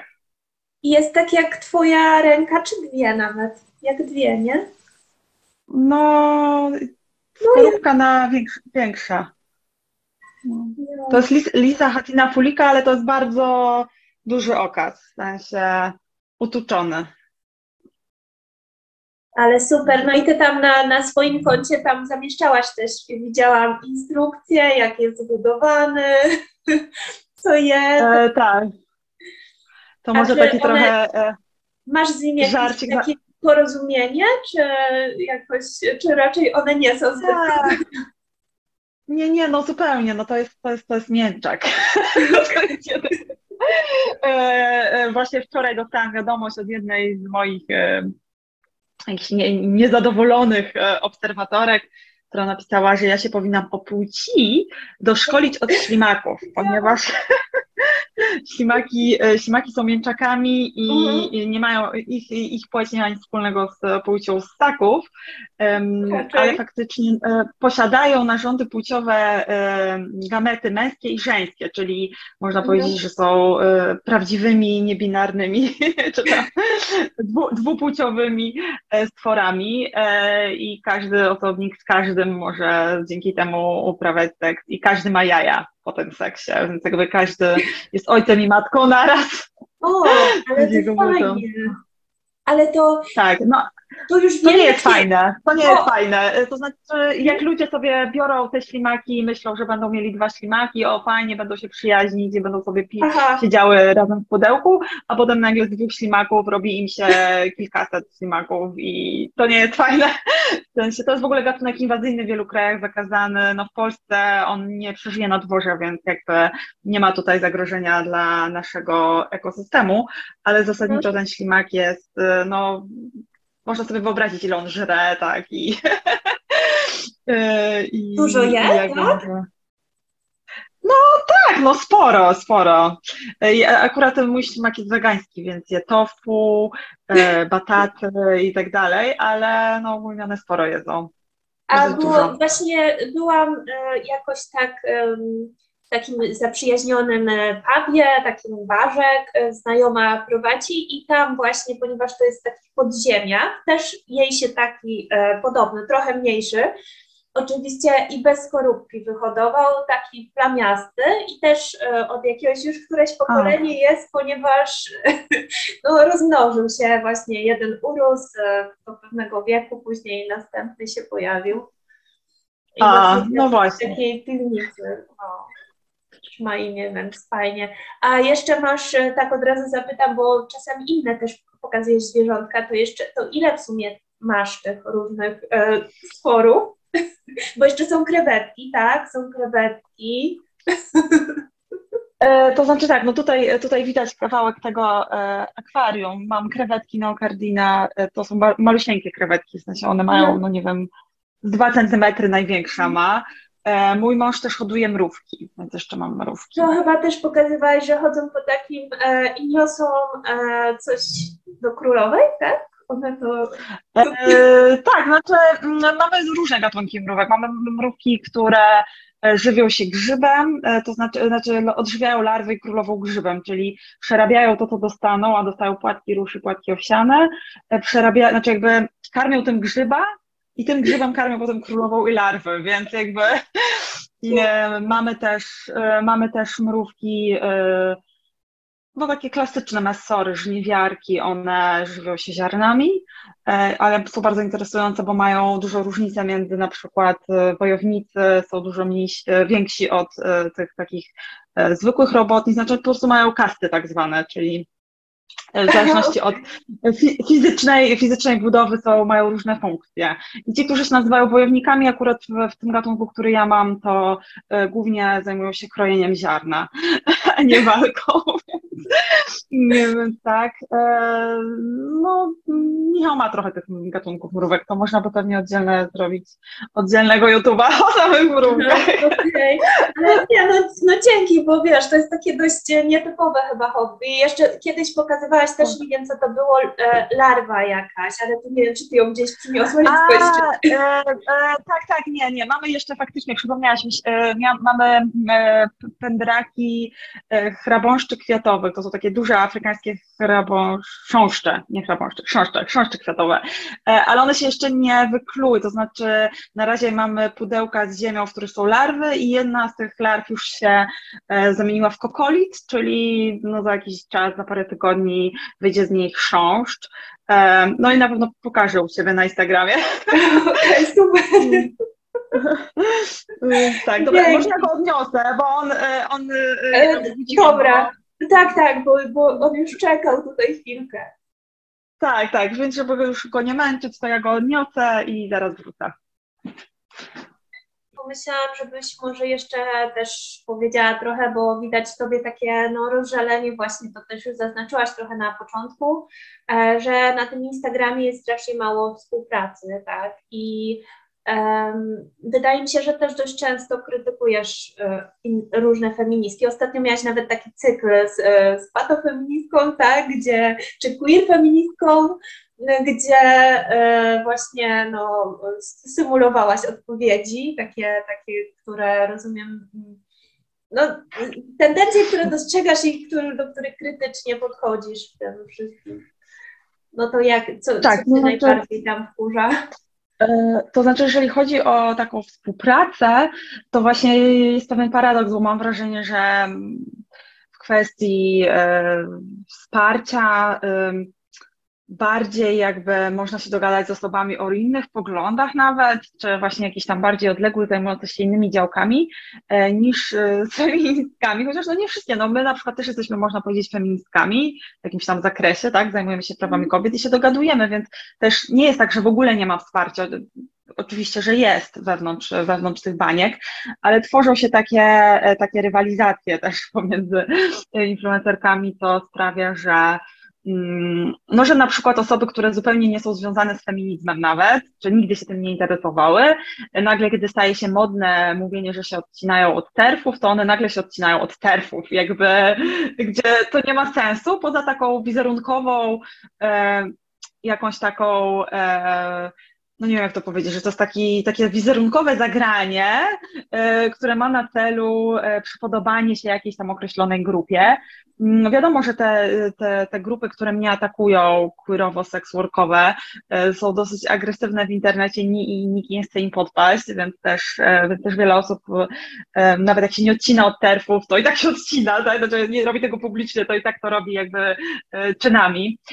I na przykład mój ciało pozytyw no, no był uwielbiany przez E, przez wiele profili, a teraz nawet za polecanie mojego profilu, na którym de facto do tej pory, no nie wiem, może z raz wspomniałam coś o tym i to zresztą w zeszłym tygodniu wrzuciłam jakiś link do e, posta na swoim blogu, który zresztą też było ciało pozytywności, ale gdzieś tam krytykował też e, transkapitalizm i jakby nowe presje, które są wytwarzane na kobietach, już nie presję bycia kobiecą i kupowania i, i robienia jakichś określonych um, rzeczy za pieniądze, żeby stać się kobietą, ale że teraz można się też jakby y, stać niebinarną, czy tam mężczyzną i, i, i też płacić pieniądze, tak, bo to jest oczywiście tworzenie nowego jakiegoś um, działu branży beauty, można powiedzieć, tak? Czyli dostosowywanie do innych kanonów. Już nie tylko kobieta, ale kobieta może też jakby chcieć inaczej zmodyfikować swoje ciało, no ale to też jest wielki biznes. E, no ale abstrahując od tego, no to, to nigdy tam nie wrzucałam tych rzeczy związanych z tymi dramami, a i tak e, ludzie przestali to polecać, no bo wiadomo, to jest tak powiązane ze mną, że nie umieją tego oddzielić i nie chcą tego oddzielać. E, więc E, więc ja sobie na przykład e, byłam w stanie poradzić z tym, żeby to oddzielić, a oni nie są w stanie sobie poradzić z tym, żeby to oddzielić i, i z tego powodu mam takie wrażenie, że no nawet tam, gdzie mogłaby być potencjalnie jakaś współpraca, to nie będzie, bo się nie zgadzamy w jakimś jednym punkcie. No i to jest dziwne i głupie w moim odczuciu, ale moim zdaniem jest to po prostu wymówka dla osób, które gdzieś tam rywalizują. I też e, no, w momencie, kiedy zaczął się strajk kobiet, feminizm stał się taki bardzo modny na Instagramie i dużo instagramerek postanowiło po prostu stworzyć e, z tego rodzaj, e, bo ja to postrzegam tak, że feminizm przyciąga kobiety, więc marketerki, kobiety, które chciały zarabiać w ten sposób na Instagramie, żeby mm, sprzedawać różne rzeczy, czy tam reklamować, użyły feminizmu do tego, żeby targetować grupę odbiorczą, tak? Czyli żeby po prostu przyciągnąć bardzo określoną grupę odbiorczą i dzięki temu one mogą teraz reklamować te produkty i mają idealnie dopasowanego odbiorcę jakby do tych produktów. No i to też, to też do, doprowadziło do strasznego wypaczenia feminizmu e, i stworzenia właśnie takiej wersji pop feminizmu, e, czy nawet takiej wersji pop ciała pozytywności, w której też jakby wszystko jest ok, ale w jakiś tam, w jakiś tam, że tak powiem, granicach, tak? Czyli e, ciało pozytywność tak, ale tylko jak ładni ludzie ją na przykład promują, a jak już jakieś ciało jest poza kanonem, faktycznie bardzo to, to przesada. E, no i ten feminizm e, z kolei wypaczył się w stronę takiego feminizmu dla wszystkich, czyli że feminizm musi być dla wszystkich i to jest też to, co mówiłaś o tej intersekcjonalności, czyli że, która zresztą była no, ciekawą i, i intelektualnie słuszną uwagą, tylko że doprowadziła do wypaczenia, w której jeżeli ja jestem kobietą i do tego mam jakieś tam dziesięć różnych innych, nie wiem, tożsamości czy problemów i zazębiających się różnych opresji, to nagle feminizm musi się zajmować nimi wszystkimi, tak? Już nie tylko tym, że jestem kobietą. E, i, i, i, tym, co jest związane stricte z dyskryminacją mnie jako kobiety. E, więc e, ten, ten popfeminizm, czy właśnie feminizm queerowy, wszystkizm, patofeminizm, no różnie to nazywają, osobizm, różne, osobizm są różne śmieszne określenia na to. I ja doszłam do wniosku, że po prostu też y, jest to jakaś forma wyładowania mojej frustracji i wiem, że moi fani akurat to uwielbiają, no ale śmianie się z feministek to, to raczej większość ludzi lubi, bo no, no, śmiejemy się z jakiejś patologii, tak? No, to jest jakieś, z czegoś, co jest przesadzone, więc ja tam powtarzam te hasła mantry, y, no robię sobie żarty, to jeszcze to sobie do, tam dorabiam taki, taką gębę, taki filtr, y, taki strasznie wymakijażowany, żeby było wiadomo, że to jest satyra, ale jest też właśnie tutaj ciekawostka dotycząca moich hejterów, że oni wy, potrafią wynosić te screeny na grupę i pisać tak, jakby to, co ja tam robię, nie było mm, żartem, tylko było prawdą. I na przykład piszą, czemu ona tak pisze, skoro coś wcześniej, albo ona już sama nie wie, co, mam, co myśli, raz pisze to, raz tamto, w sensie nie, no. nie łapią tej ironii. Więc to też jest taki, taki dosyć inside joke, ale, ale moi, fani, moi fani to lubią, zwłaszcza jeżeli e, no, część osób obserwuje te takie już bardzo mainstreamowe feministki y, i to, co one tam wypisują. I to są rzeczy no, po prostu śmieszne. W sensie nawet nie trzeba robić specjalnego żartu, wystarczy to napisać i to jest po prostu śmieszne.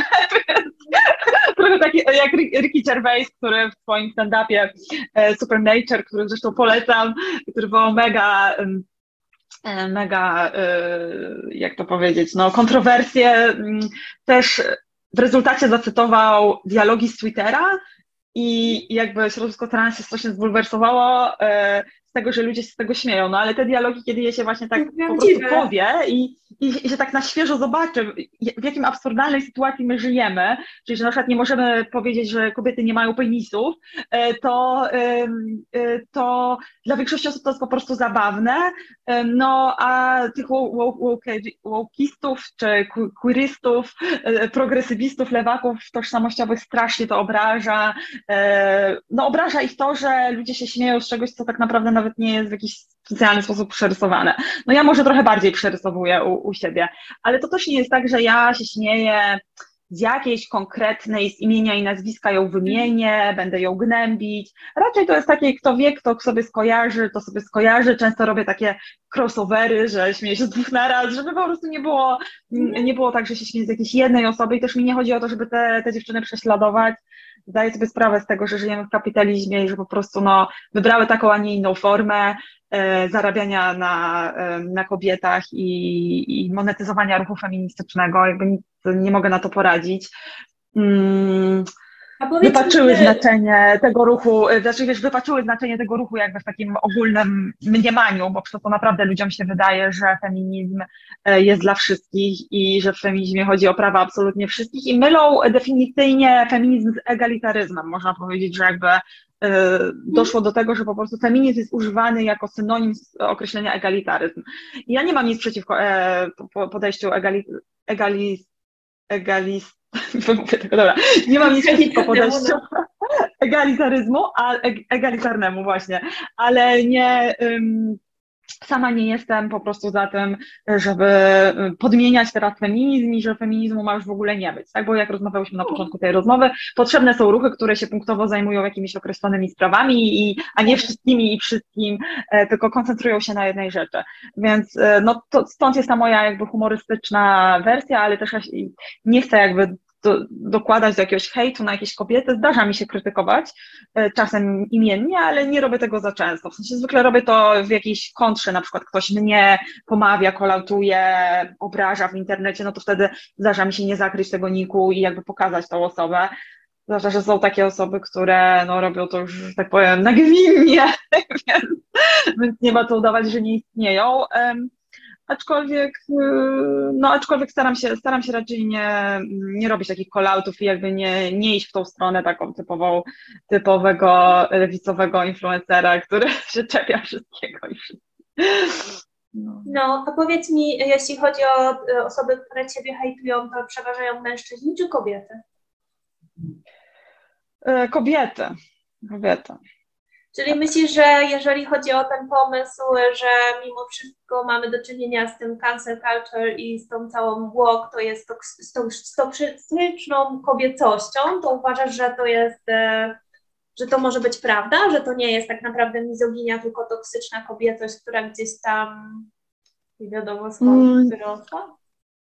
Ja jestem zdania, że kobiety, znaczy w sensie ja jestem zdania, że kobiety nie są naturalnie koniecznie wszystkie siostrami, tylko że też w obrębie naszej płci występuje naturalna dla po prostu życia na tym świecie konkurent, e, rywalizacja, tak, o, o zasoby, o partnerów, o różne rzeczy, e, więc nie, nie traktuję kobiet jako jednej wielkiej po prostu grupy sióstr, które mają się kochać.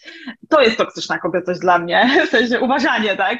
Bo musimy spojrzeć prawdzie w oczy, że jesteśmy wszyscy ludźmi. Jeżeli chodzi o te, te liczby i to, że mnie subiektywnie przynajmniej, takie mam wrażenie, e, większy, więcej kobiet e, hejtuje, to wynika z tego, że ja mam po prostu więcej odbiorczych tej, e, odbiorczej tej płci, więc tak to tłumaczę. Prawdopodobnie gdybym miała pół na pół mężczyzn i kobiet, to pewnie byłoby tego hejtu pół na pół. Nie sądzę, żeby, a może nawet więcej mężczyzn by hejtowało, kto wie.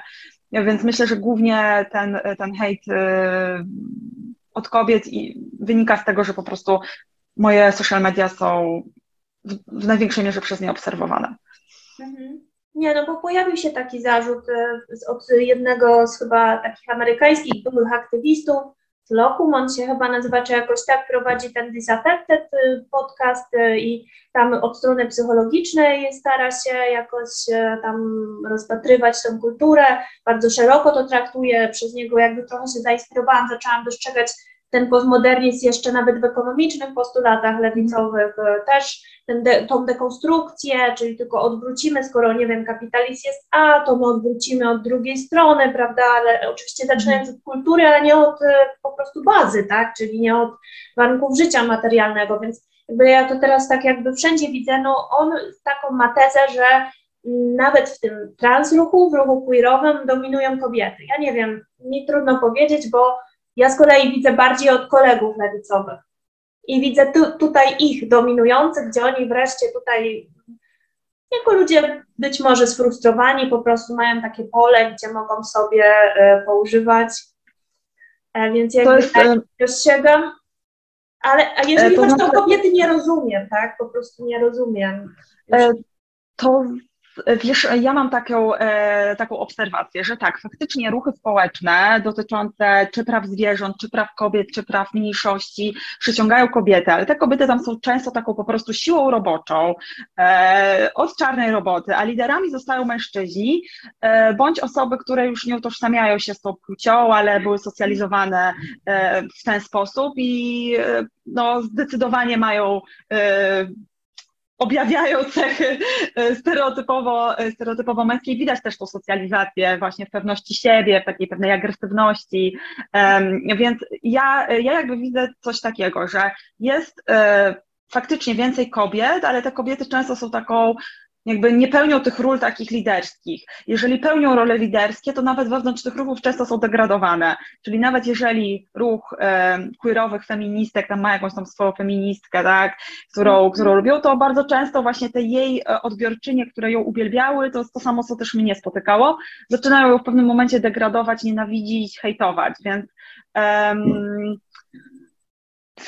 być może też dlatego, że w ruchu feministycznym jest straszna rywalizacja, właśnie jakby niezrozumienie tego, że tu nie chodzi o to, kto jest, kto ma większe zasięgi, nie wiem, kto y, tam, nie wiem, bardziej błyszczy, tylko tak naprawdę powinno chodzić o to, żebyśmy pragmatycznie były w stanie realizować jakieś cele dla kobiet i że to jest jakby, no tak, to powinno ale... być osią ruchów feministycznych, ale dochodzi do takich typowych też... No dobra, poczekaj, tylko chciałam trącić, że zadałaś no. pytanie wcześniej, co robiły w latach 90. Owszem, była wielka akcja podpisów, zbierała tam, było tam kilka milionów ich chyba zebrali tych podpisów, e, i to i tak nie przeszło, natomiast co robiły feministki? No, podpatrzyły, że na uniwersytetach zachodnich są jakieś tam różne studia genderowe dla panien z dobrego domu, które no, nie mają innego pomysłu na życie, ale na przykład mają, e, są z tak zwanej przyzwoitej rodziny, która jest w stanie im no, zapewniać godny start, tak, one też nie za bardzo być może mają jakąś taką presję, żeby zarabiać jakieś tam y, większe pieniądze, żeby jakoś e, się utrzymać, w związku z tym mogą zostać na uniwersytecie i na przykład zajmować się analizą e, genderową, produkując jakieś tam setne e, po prostu papiery na jakiś wyimaginowany temat, tak, który niby ma się przysłużyć sprawie kobiecej. No i zajmowały się również tworzeniem manii, gdzie w, w, sytuacji, w której był, było już po największych strajkach w 2016, strajkach kobiet y, pierwszych, to na takie manify nadal przychodziło może, nie wiem, w Warszawie, nie wiem, kilkaset osób, tak, bo y, ich konwencja jest tak niezrozumiała i tak y, po prostu oderwana od rzeczywistości. No, to tylko tyle chciałam powiedzieć. Dobra, e, ja z kolei chciałam, e, to jest bardzo ciekawe, że, to się, że feminizm stał się takim właśnie elitarnym ruchem e, i też może to, że on no to, ale, się... Bo wtrąciłam to tylko dlatego, że mówisz o rywalizacji, no to właśnie to jest jakby no, dobra. Cześć, tak. Rozumiem to, z tym, że ja mam e, też doświadczenie z innych ruchów, nie wiem, można powiedzieć, e, około lewicowych e, i mam takie doświadczenia z grup, gdzie właśnie jest taka płaska struktura, niby o coś walczymy, ale zawsze się znajdzie ktoś z jakimś takim ego-tripem, z jakimś takim problemem, że on musi tutaj innych ustawić, czy że sobie chce jakiś zrobić na tym jakąś karierę, tak, na tym, na tym temacie. No i niestety jest tak, że jest duża rywalizacja, a tam, gdzie jest płaska struktura, gdzie nie ma de facto hierarchii jakiejś takiej mocnej e, i gdzie tą hierarchii, bo jeszcze uniwersytet jest dosyć hierarchiczny, jeżeli chodzi o jakieś tam zasady, że trzeba je spełnić i, i, i, i jest ta hierarchia utrzymania, czyli teoretycznie e, doktory genderów, tak, e, powinny być szanowane przez, przez młodsze pokolenia feministek, jako że one jednak kształtowały przynajmniej na uniwersytetach jakąś myśl feministyczną i nie wiem, pisały książki, tworzyły jakąś kulturę, to, to, to wszystko ma sens.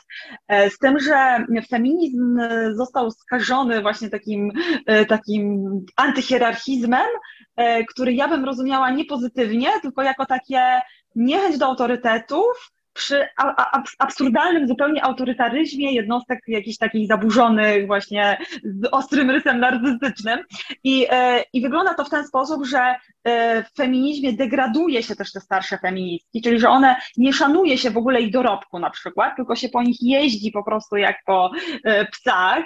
Z drugiej strony najbardziej widoczne są te, które najbardziej są agresywne wobec innych, mm, które robią najwięcej tych call-outów w social mediach, piszą najbardziej ostre teksty, teksty imienne, właśnie szkalujące kogoś.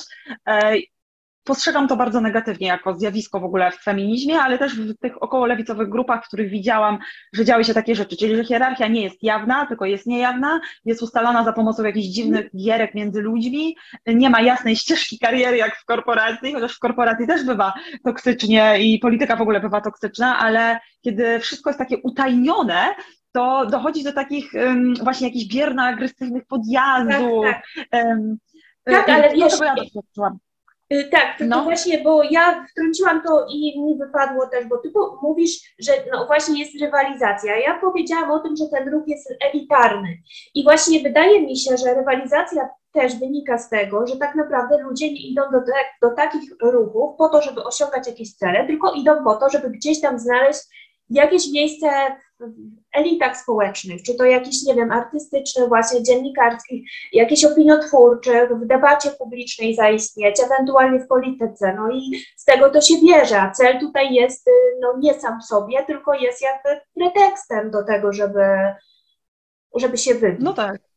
I wtedy bardziej się opłaca robić feminizm dla wszystkich, bo no. wtedy ma się większą grupę potencjalną, znaczy wyobraźni, tak? bo, bo hmm. realnie e, robienie super inkluzywnego feminizmu jest bardzo niszowe dla większości osób, ale to też już e, ustaliłyśmy, że, mm, że, że, że jakby te, te grupy lewicowe się tak jakby szatkują bardzo i myślą, że to jest dla wszystkich, ale wszystkich podzielą na milion różnych tożsamości, które się między sobą żrą i, i w rezultacie nic z tego nie wyjdzie, ale to, czego ja doświadczyłam, to doświadczyłam e, właśnie dziwnej rzeczy, że no, osoby, z którymi byłam w jakiejś tam na Instagramie powiedzmy relacji, czy nawet z nami osobiście, po prostu kiedy stało się modne e, bycie przeciwko mnie się ode mnie odwróciły, bo, bo stało się to modne. Ustawiły sobie zaimki w bio, nagle zrobiły tydzień widoczności trans, kiedy wszyscy na mnie e, mm, e, nawalali, że, to trans, że ja jestem transfobką. I takie to było bierno agresywne, czyli nie powiedziały, nie powiedziały wprost, jesteśmy przeciwko niej, ale zrobiły takie ruchy, które były, budowały, bo one miały większe zasięgi ode mnie, budowały taką narrację anty-ja,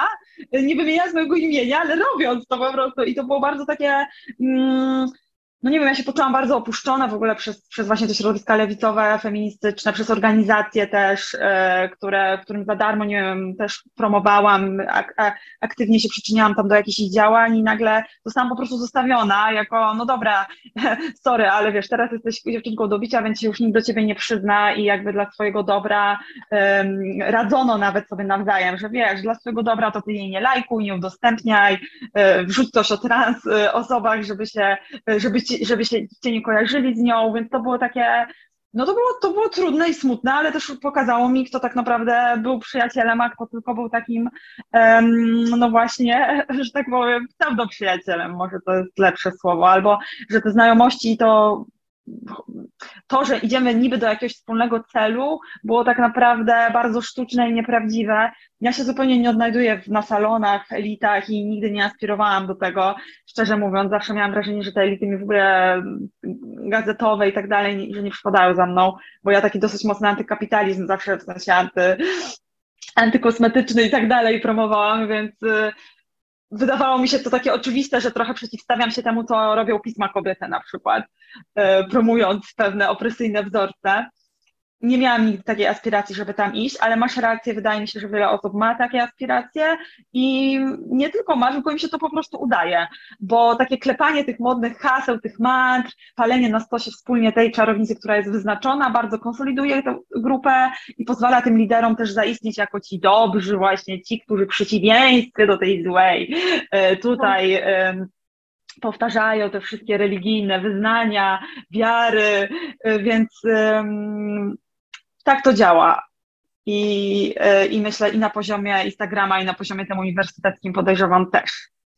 Tak, a powiedz mi, jak już tak się zagłębiamy ten cancel, to co jest, jakbyś mogła to wyjaśnić, co jest w tym takiego strasznego? Jakiejś osobie, która tego nie doświadczyła, e, to co, co takiego się dzieje, że no, to jest zjawisko, z którym trzeba by było walczyć jednak w jakiś sposób? To jest takie zjawisko trochę, można to porównać do wyjścia z sekty. Czyli jesteś w jakiejś grupie, która cię bardzo wspiera, zalewa cię miłością, zapewnia cię o swoich wielkich uczuciach, e, a potem, kiedy postanawiasz wyjść z tej sekty, z tej grupy, to e, odwracają się do ciebie, no do tego stopnia nie powiedzą ci cześć na ulicy, e, po prostu obgadują cię za plecami, dążą do tego, żeby twoi przyjaciele się od ciebie odwrócili, czy żeby wszyscy naokoło mieli o tobie złe mniemanie, straszą tobą jako tą inno, innowierczynią. To, to ma bardzo podobny um, schemat, co właśnie wyjście z sekty, dlatego ja używam określenia, że jestem wyklęta, tak, wyklęta, nawet nie skancelowana, tylko wyklęta, um, bo, um, no bo to tak działa, jak takie wyklęcie heretyczki i wyklęcie wiedźmy. Tak. Z tym, że w przypadku kancelu e, jest ten motyw, e, który jakby jest no, bardzo trudne, że możesz stracić pracę i to nie jest tak, że niezależnie tak naprawdę, gdzie pracujesz, możesz stracić pracę. Jeżeli po prostu ludzie w środowisku twoim wyznawali tę religię, tak, tutaj w tym przypadku tą queerową, to po prostu możesz wylecieć każdej pracy. Mm, to nie jest tak, że, że tylko influencerka może stracić pracę. Poza tym e, no, tracisz e, jakby tracisz znajomych, niby jakiś zyskujesz też, bo zawsze to tak jest coś za coś, ale y, strasznie dużo energii idzie ci na tłumaczenie się z rzeczy, których nie zrobiłaś. W sensie trzeba wykonać strasznie dużo psychologiczną pracę, żeby sobie poradzić z tym gaslightingiem, którego doświadczasz zewsząd. Gaslighting to jest y, z angielskiego chodzi o takie wmawianie ci akurat tam chodzi o wmawianie chorób psychicznych, ale w przypadku kancelu y, tych feministek, które są nazywane terfami czy surfami, też dochodzi do gaslightingu, bo wmawia się tobie fobię i nienawiść. Y, fobię rozumianą też jako jakaś obsesyjna nienawiść do osób trans. Wmawia ci się rzeczy, których ty nie czujesz i jest bardzo trudną sytuacją w momencie, w którym bardzo dużo osób mówi ci, co ty czujesz, kiedy ty tego nie czujesz i masz taki dysonans pomiędzy tym, co ludzie twierdzą, że czujesz, a, a, a co naprawdę czujesz. Jest to bardzo frustrujące i naprawdę czasem człowiek ma wrażenie, że po prostu y, spotyka się ze ścianą, kiedy, kiedy, kiedy tyle osób każe ci się tłumaczyć rzeczy, których nie powiedziałaś, nie zrobiłaś, nie uważasz w ogóle. Tworzy się jakąś taką właśnie zdemonizowaną personę tej skancelowanej osoby.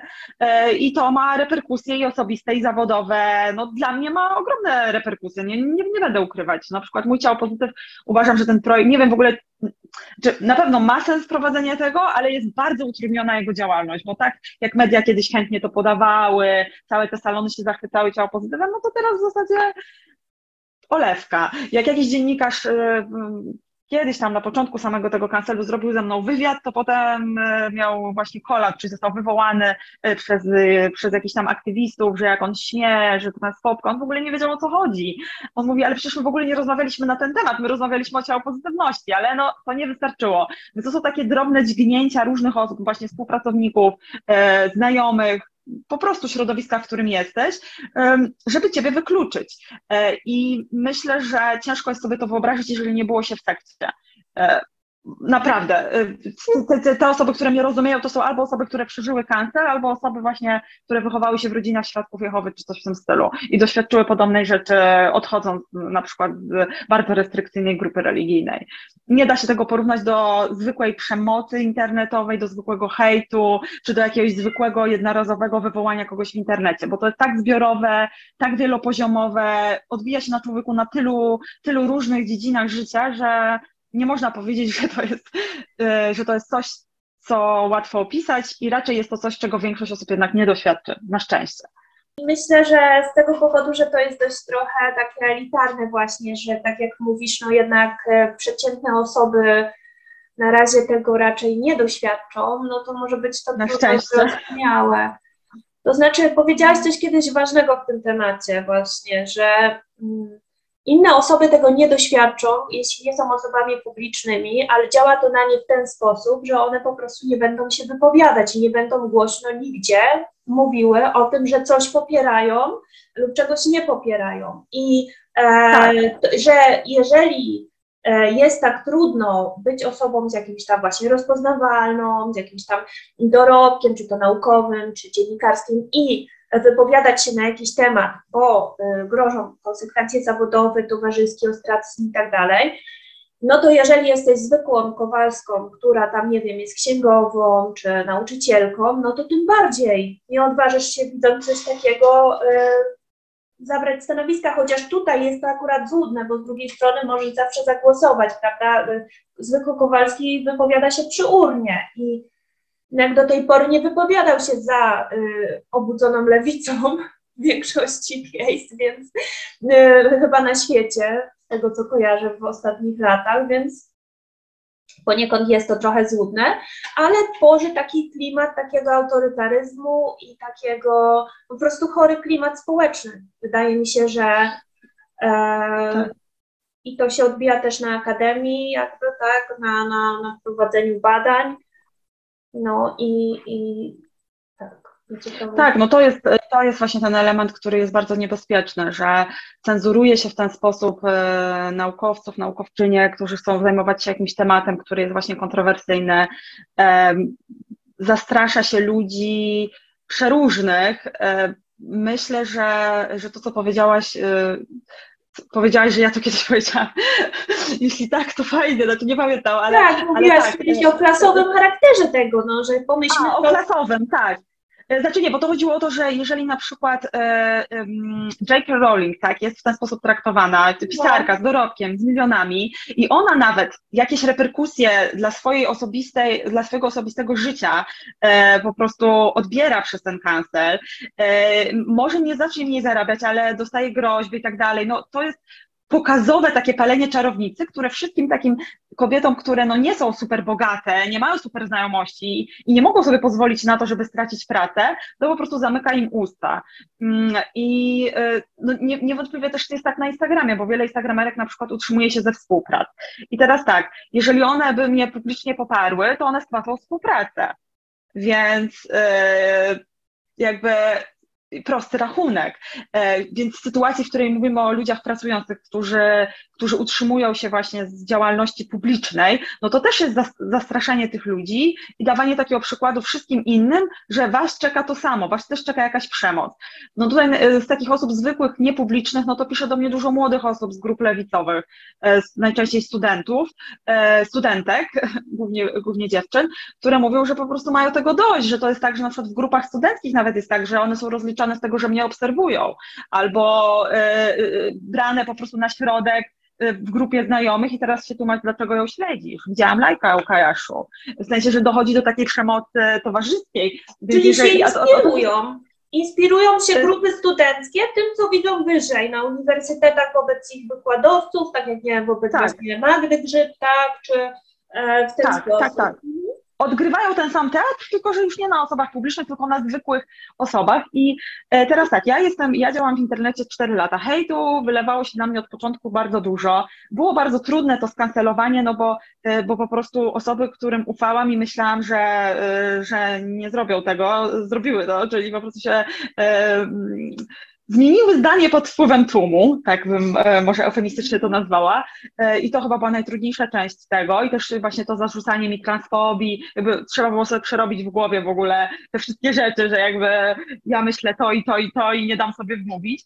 Ale mm, myślę, że jakby, no, jakby najtrudniejsze e, dla takich osób niepublicznych, które nie mają tego doświadczenia, co ja, jest to, to, zagrożenie ostracyzmem z grupy rówieśniczej połączone z cyberprzemocą, bo często te osoby z zasięgami, nie wiem, 150 followersów, tak, nic, po prostu konto prywatne i nagle taka osoba ląduje na profilu, który ma zasięgi 40 i 50 tysięcy e, followersów i jest tam z imienia czy z niku wy, wymieniana jako, jako TERF, Transfob, SWERF czy cokolwiek. I dla osób, które nie są e, właśnie z, e, z działalnością publiczną zaznajomione, czyli nie mają tej takiej tarczy, nie przerobiły tego wszystkiego, bo nie, nie stykały się z takim hejtem, to dla nich to jest naprawdę bardzo ciężkie. I wiem, że dla tych dziewczyn, które gdzieś tam przy okazji tych moich kanceli za mną stanęły i miały nieduże właśnie profile, jakieś raczkujące, a były zalewane na przykład dziesiątkami wiadomości od jakichś kont w ogóle nie wiadomo skąd, że ty, ona jest transfobką, jakieś screeny na mnie, coś tam i stawianie jej w takiej, w takiej sytuacji, że jeżeli ona nie skasuje swoich stories z poparciem na przykład, to yy, to następ, będzie następna na liście do kolautu i spotkają to samo co mnie.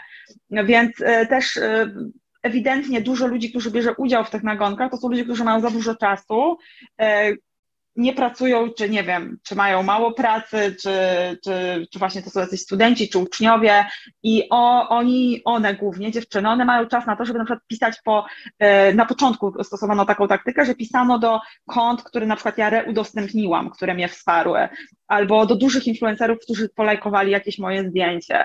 Czyli takie techniki w ogóle jakiegoś takiego, ja nie wiem, to w ogóle, ja nie wiem jak to nazwać, jakiś stalking, w sensie rozpoznawanie z kim ja mam jakąś tam, y, mogę mieć jakąś znajomość, kto może być moim znajomym i pisanie do tej osoby y, po prostu z wymogiem takiego odcięcia się ode mnie. Y, I to samo spotyka właśnie te osoby niepubliczne, więc myślę, że to jest y, bardzo ciężkie i w tych środowiskach lewicowych niebezpieczne. Zamierzam o tym napisać, jest zresztą jakiś tekst na bloga, z porównaniem w ogóle środowisk, młodzieżowych środowisk queerowych i lewicowych e, z, z mechanizmami sekt, bo uważam, że jest bardzo dużo podobieństw i jest duże niebezpieczeństwo dla młodych osób, bo to jest naprawdę traumatyczne, kiedy jest się zostracyzowanym do tego stopnia z własnej grupy. I robią to ludzie, paradoksalnie, którzy innym za, zarzucają wykluczanie. To jest w ogóle ironia tej sytuacji, nie wiem, mi się to kojarzy z tak, pisem, który mówi, że opozycja coś robi, a oni sami to robią. W sensie tak, tak, po prostu to, typowe. Projekcja jakaś totalna. Tak, tak. Mój tata zawsze mówił, że jeśli ktoś mówi, że czegoś szczególnie nie robi, to znaczy, że właśnie to robi i to się jakoś sprawdza po prostu. Czyli na zasadzie właśnie e, dostrzegania w innych jakichś swoich właśnie problemów czy wad. E, no tak, no tutaj mi to się, jak tak mówisz o tym, to mi się przypomina właśnie dokładnie to porównanie z paleniem czarownic. Nie jest też takie bardzo odległe, bo jak się czyta czasami e, właśnie jakieś takie analizy feministyczne, teraz modne, na temat tego, jak, jak kapitalizm rzekomo, jest taka socjalistyczna feministka, e, która właśnie tam analizowała, że kapitalizm jakby jak się upowszechniał, no to były, trzeba było porozrywać więzi między społecznościami, między kobietami, tak. Mm, ja myślę, że to trochę mam inne zdanie na ten temat, jakby jeśli chodzi o całą tą wizję, jak myślę, że to technologia spowodowała, że myśmy musieli się jakby, prawda, zatomizować, pozamykać w małych mieszkankach, gdzie każdy żyje sam albo dwie osoby na przykład, tak?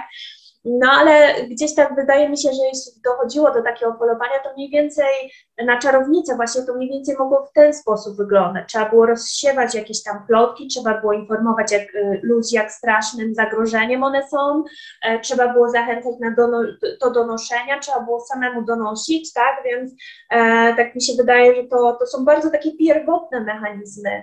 Mega takie ciekawe, bo... plemienne.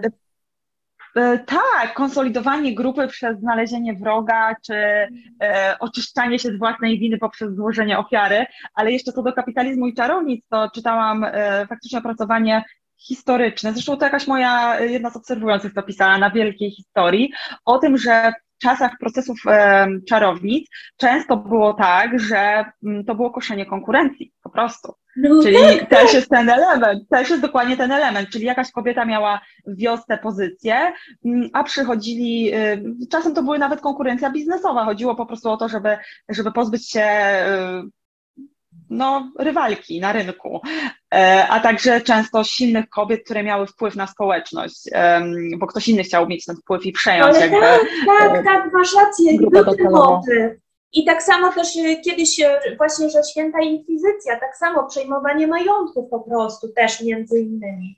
Więc e, zawsze ten motyw jakby jest gdzieś tam, można się go dopatrzeć.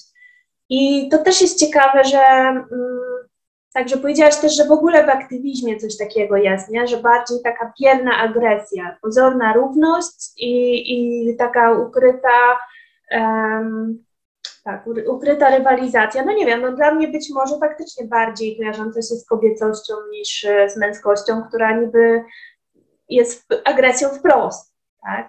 Czyli um, czasami się mówi o tym, że mężczyźni, nie wiem, no mogą sobie przyłożyć, tak, a ewentualnie jak to już rozegrają, to iść razem na piwo, czy tam normalnie ze sobą dyskutować, natomiast kobiety, że prowadzą taką walkę podjazdową. No gdzieś jest taki stereotyp, ale być może to nie wiem, myślisz, że to jest słuszne? Czy w ogóle uważasz, że na ile my i mężczyźni się różnimy od siebie w sensie psychicznym, Twoim zdaniem? E, psychicznym? Mhm, tak, psychicznym, no bo fizycznie jest to jakby jasne, no dla wszystkich poza y, queerami. E, natomiast... Przypomnij, przypomnijmy, że różnimy się genitaliami. E, tak. Systemem endogennym i tak dalej. E, no dobrze. E, więc e, jeżeli chodzi o psychikę, ciężko mi jest powiedzieć, znaczy czytałam Debrę Soch, Gender bez emocji i Debra w tej książce twierdzi no coś, co się feministkom właśnie nie do końca spodoba, czyli ona twierdzi, że są biologiczne uwarunkowania pewnych różnic. One nie są tak duże jak mówią konserwatyści, ale też nie jest tak, że nie ma ich w ogóle, tak jak twierdzą na przykład feministki. E, czyli, że jednak przez hormony, jakie mamy i przez to, że część z nas rodzi i w tym momencie, kiedy ma małe dziecko, wydziela się oksytocyna, e, kiedy się wydziela ta oksytocyna do dziecka, to z kolei do innych, no możemy się inaczej zachowywać, tak, tam różne są badania na ten temat, na temat zachowań właśnie matek pod wpływem tej oksytocyny i tak dalej. Nie, z tego co pamiętam, to nie jest takie intuicyjne, że matki małe są dla wszystkich też mhm. bardziej empatyczne, chociaż, e, chociaż takie badania chyba też były, ale właśnie na przykład co do empatii, to mężczyźni, którym się płaci za uczenie empatii, w sensie płaci im się po prostu za to, że empatyzują, to się nagle okazuje, że oni e, są w stanie się nauczyć tej empatii i umieją empatyzować, więc, więc to też jest tak, że my się różnimy, ale na ile te różnice nie, nie, nie wynikają po prostu z naszej natury, tak, tylko z tego, że są pewne uwarunkowania społeczno-kulturowe, pewne role reprodukcyjne i no ciężko wyobrazić sobie matkę, która ma maleńkie dziecko i z nim w ogóle nie empatyzuje, tak? Ale z drugiej strony, jak ona empatyzuje z dzieckiem, to może zupełnie przestać empatyzować z innymi, żeby chronić to dziecko. Więc ta empatia też nie jest taka właśnie, tak jak my intuicyjnie myślimy, że jeżeli ktoś jest empatyczny, to będzie empatyczny do wszystkich. No nie do końca. E, więc e, zresztą jest książka Przeciw empatii bodajże tytuł. E, nie wiem, czy, czy Jeszcze ją nie czytałam, ja ale słyszałam, tak. Hmm. Tak, właśnie, że, że, że, jednak, że jednak to, co my intuicyjnie myślimy, że na przykład właśnie wszystkie kobiety, które mają dzieci, będą bardziej empatyczne, że w ogóle kobiety są bardziej empatyczne, wcale nie musi tego oznaczać, bo to może oznaczać tyle, że jesteśmy empatyczne wobec jakiejś grupy, właśnie dziecka czy, y, czy mniejszości, a wobec innych jesteśmy zupełnie nieempatyczni. I tak samo mężczyźni. Faktycznie w testach wychodzi, że mają mniejszą tą empatię, ale kiedy odpowiednio się ich zmotywuje, to są w stanie się jej nauczyć, więc y, myślę, że różnimy się, ale ciężko mi powiedzieć, na ile te różnice wynikają właśnie z pewnej socjalizacji, z pewnego też tego, co się opłaca tak naprawdę. Bo dlaczego kobiety się nie, nie są na przykład agresywne otwarcie, tylko bierno agresywne, częściej robowojny podjazdowe? No bo jest 50% społeczeństwa, które jest silniejsze od nas fizycznie, bo się różnimy fizycznie od mężczyzn. Statystycznie, statystyczna kobieta jest y, słabsza od statystycznego mężczyzny. Tak, mówię tu o statystyce, bo zdarzają się oczywiście wyjątki. No, Silniejsze kobiety od mężczyzn. Wiadomo, ale mówię to, ponieważ zdarzało się już, zdarzały się feministki na Instagramie, które wyciągały ten, ten element, a ja jestem wyższa od większości facetów i nie ma różnic między trans kobietami a kobietami dlatego. Dobra, to był tylko mały, mały nawias. E, w każdym razie statystyczna kobieta jest e, słabsza fizycznie od e, statystycznego mężczyzny, w związku z czym musi inne strategie wy, wytworzyć zdobywania władzy, osiągania jakichś swoich celów, rywalizacji. Myślę, że tutaj bierna agresja, czyli właśnie jakieś podjazdowe wojny, manipulacje, bardziej e, właśnie może przemoc psychiczna niż, niż fizyczna. U, u, wielu kobiet mogą się wykształcić w większym stopniu. Nie, nie, nie powiedziałabym, że dlatego, że nie wiem, mamy, że to wynika z jakiejś budowy mózgu czy z czegoś, tylko to taki, taka pragmatyka po prostu życia. Więc ja bym bardziej się skłaniała do tego, że oczywiście są pewne różnice między nami, ale one wynikają w dużej mierze właśnie z socjalizacji, z potrzeb e, i, i z możliwości e, fizycznych, biologicznych różnic. Dobra, może jeszcze na zakończenie już, e, bo mamy bardzo dużo materiału nagrane.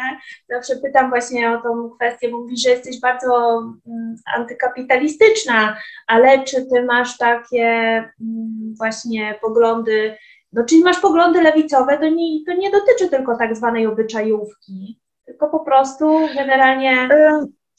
To znaczy, ja zawsze e, miałam taki, e, taką niechęć do na przykład jakiejś nadmiernej konsumpcji, czy takich rzeczy z tego powodu, że ja no, od nastoletności niemalże tam interesowałam się ekologią i prawami zwierząt, więc jakby to bardziej z tego, z tego nurtu wychodziło.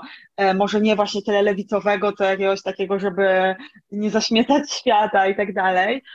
Gdzieś te lewicowe postulaty mnie w pewnym momencie uwiodły, ale muszę szczerze mówiąc, to nie wiem, czy jestem teraz lewicowa. Ciężko mi powiedzieć, bo to, co reprezentuje lewica, jakby i to, to jak bardzo jak bardzo zdradziła kobiety, zaczęło, zaczęło mnie, znaczy zaczęło mnie zastanawiać, na ile właśnie jakieś takie radykalne rozwiązania w tą czy w tamtą stronę są sensowne i nie wiem, żaden, żadna osoba o lewicowych poglądach nie podała mi żadnego mm, rozwiązania na to, jakby miał wyglądać świat, szczerze mówiąc, oprócz jakichś utopii, które nie mają e, jak się wydarzyć, bo żyjemy jakby jako system naczyń połączonych, nie tylko jako ludzie, nie tylko jako jakieś tam e, miasta, e, tak, tylko też jako państwa, jako kontynenty, w sensie, że jakby jest dużo różnych jednostek e, gospodarczych, które ze sobą współpracują. Część krajów się utrzymuje ze sprzedaży ropy, część miała kolonie, Polska z kolei bardziej no, była tą siłą roboczą i, i była w pewnym sensie kolonizowana tutaj, tak, e, więc nie, nie, nie wiem do końca, gdzie bym mogła się, że tak powiem, na tej osi prawo-lewo gospodarczo oznaczyć. Nie, ciężko mi powiedzieć. Nie, na pewno taki skrajny kapitalizm i liberalizm do mnie nie przemawiają, ale też skrajny socjalizm i, i lewica też nie. Jakbym druga, szukała tu jakiejś drogi środka, jakiegoś takiego centrowego rozwiązania, które brałoby najlepsze e, praktyki ze wszystkich e, stron i, i, i szukało czegoś, co po prostu e, sprawi, że będą mniejsze właśnie te różnice klasowe, że ludzie będą mieć jakieś tam większe możliwości, ale też nie tak, że po prostu wszyscy niby mamy mieć porówno, tak jak w kolektywie lewicowym, a ale niby wszyscy jesteśmy równi, dostajemy tyle samo, ale ci, którzy się dobrze ustawią tam po cichu, poza tą, e, znaczy stworzą jakąś niejawną hierarchię, to będą mieli lepiej. No tak jak za komuny było, tak? Że niby tutaj socjalizm i tak dalej, ale i tak wiadomo, że byli ci, którzy byli w partii, mieli jakieś dojścia i mogli sobie tam, że tak powiem, nielegalnymi kanałami jakieś e, zasoby zdobywać. W związku z czym nie, teraz bym się raczej jako lewicowa nie, nie nazwała. Bo za dużo jestem, za dużo mam e, złych, e, że tak powiem, doświadczeń z tą frakcją, ale część rzeczy, które, które socjaliści czy jakaś analiza socjalistyczna przedstawia, no przemawiają do mnie i do mojej wrażliwości.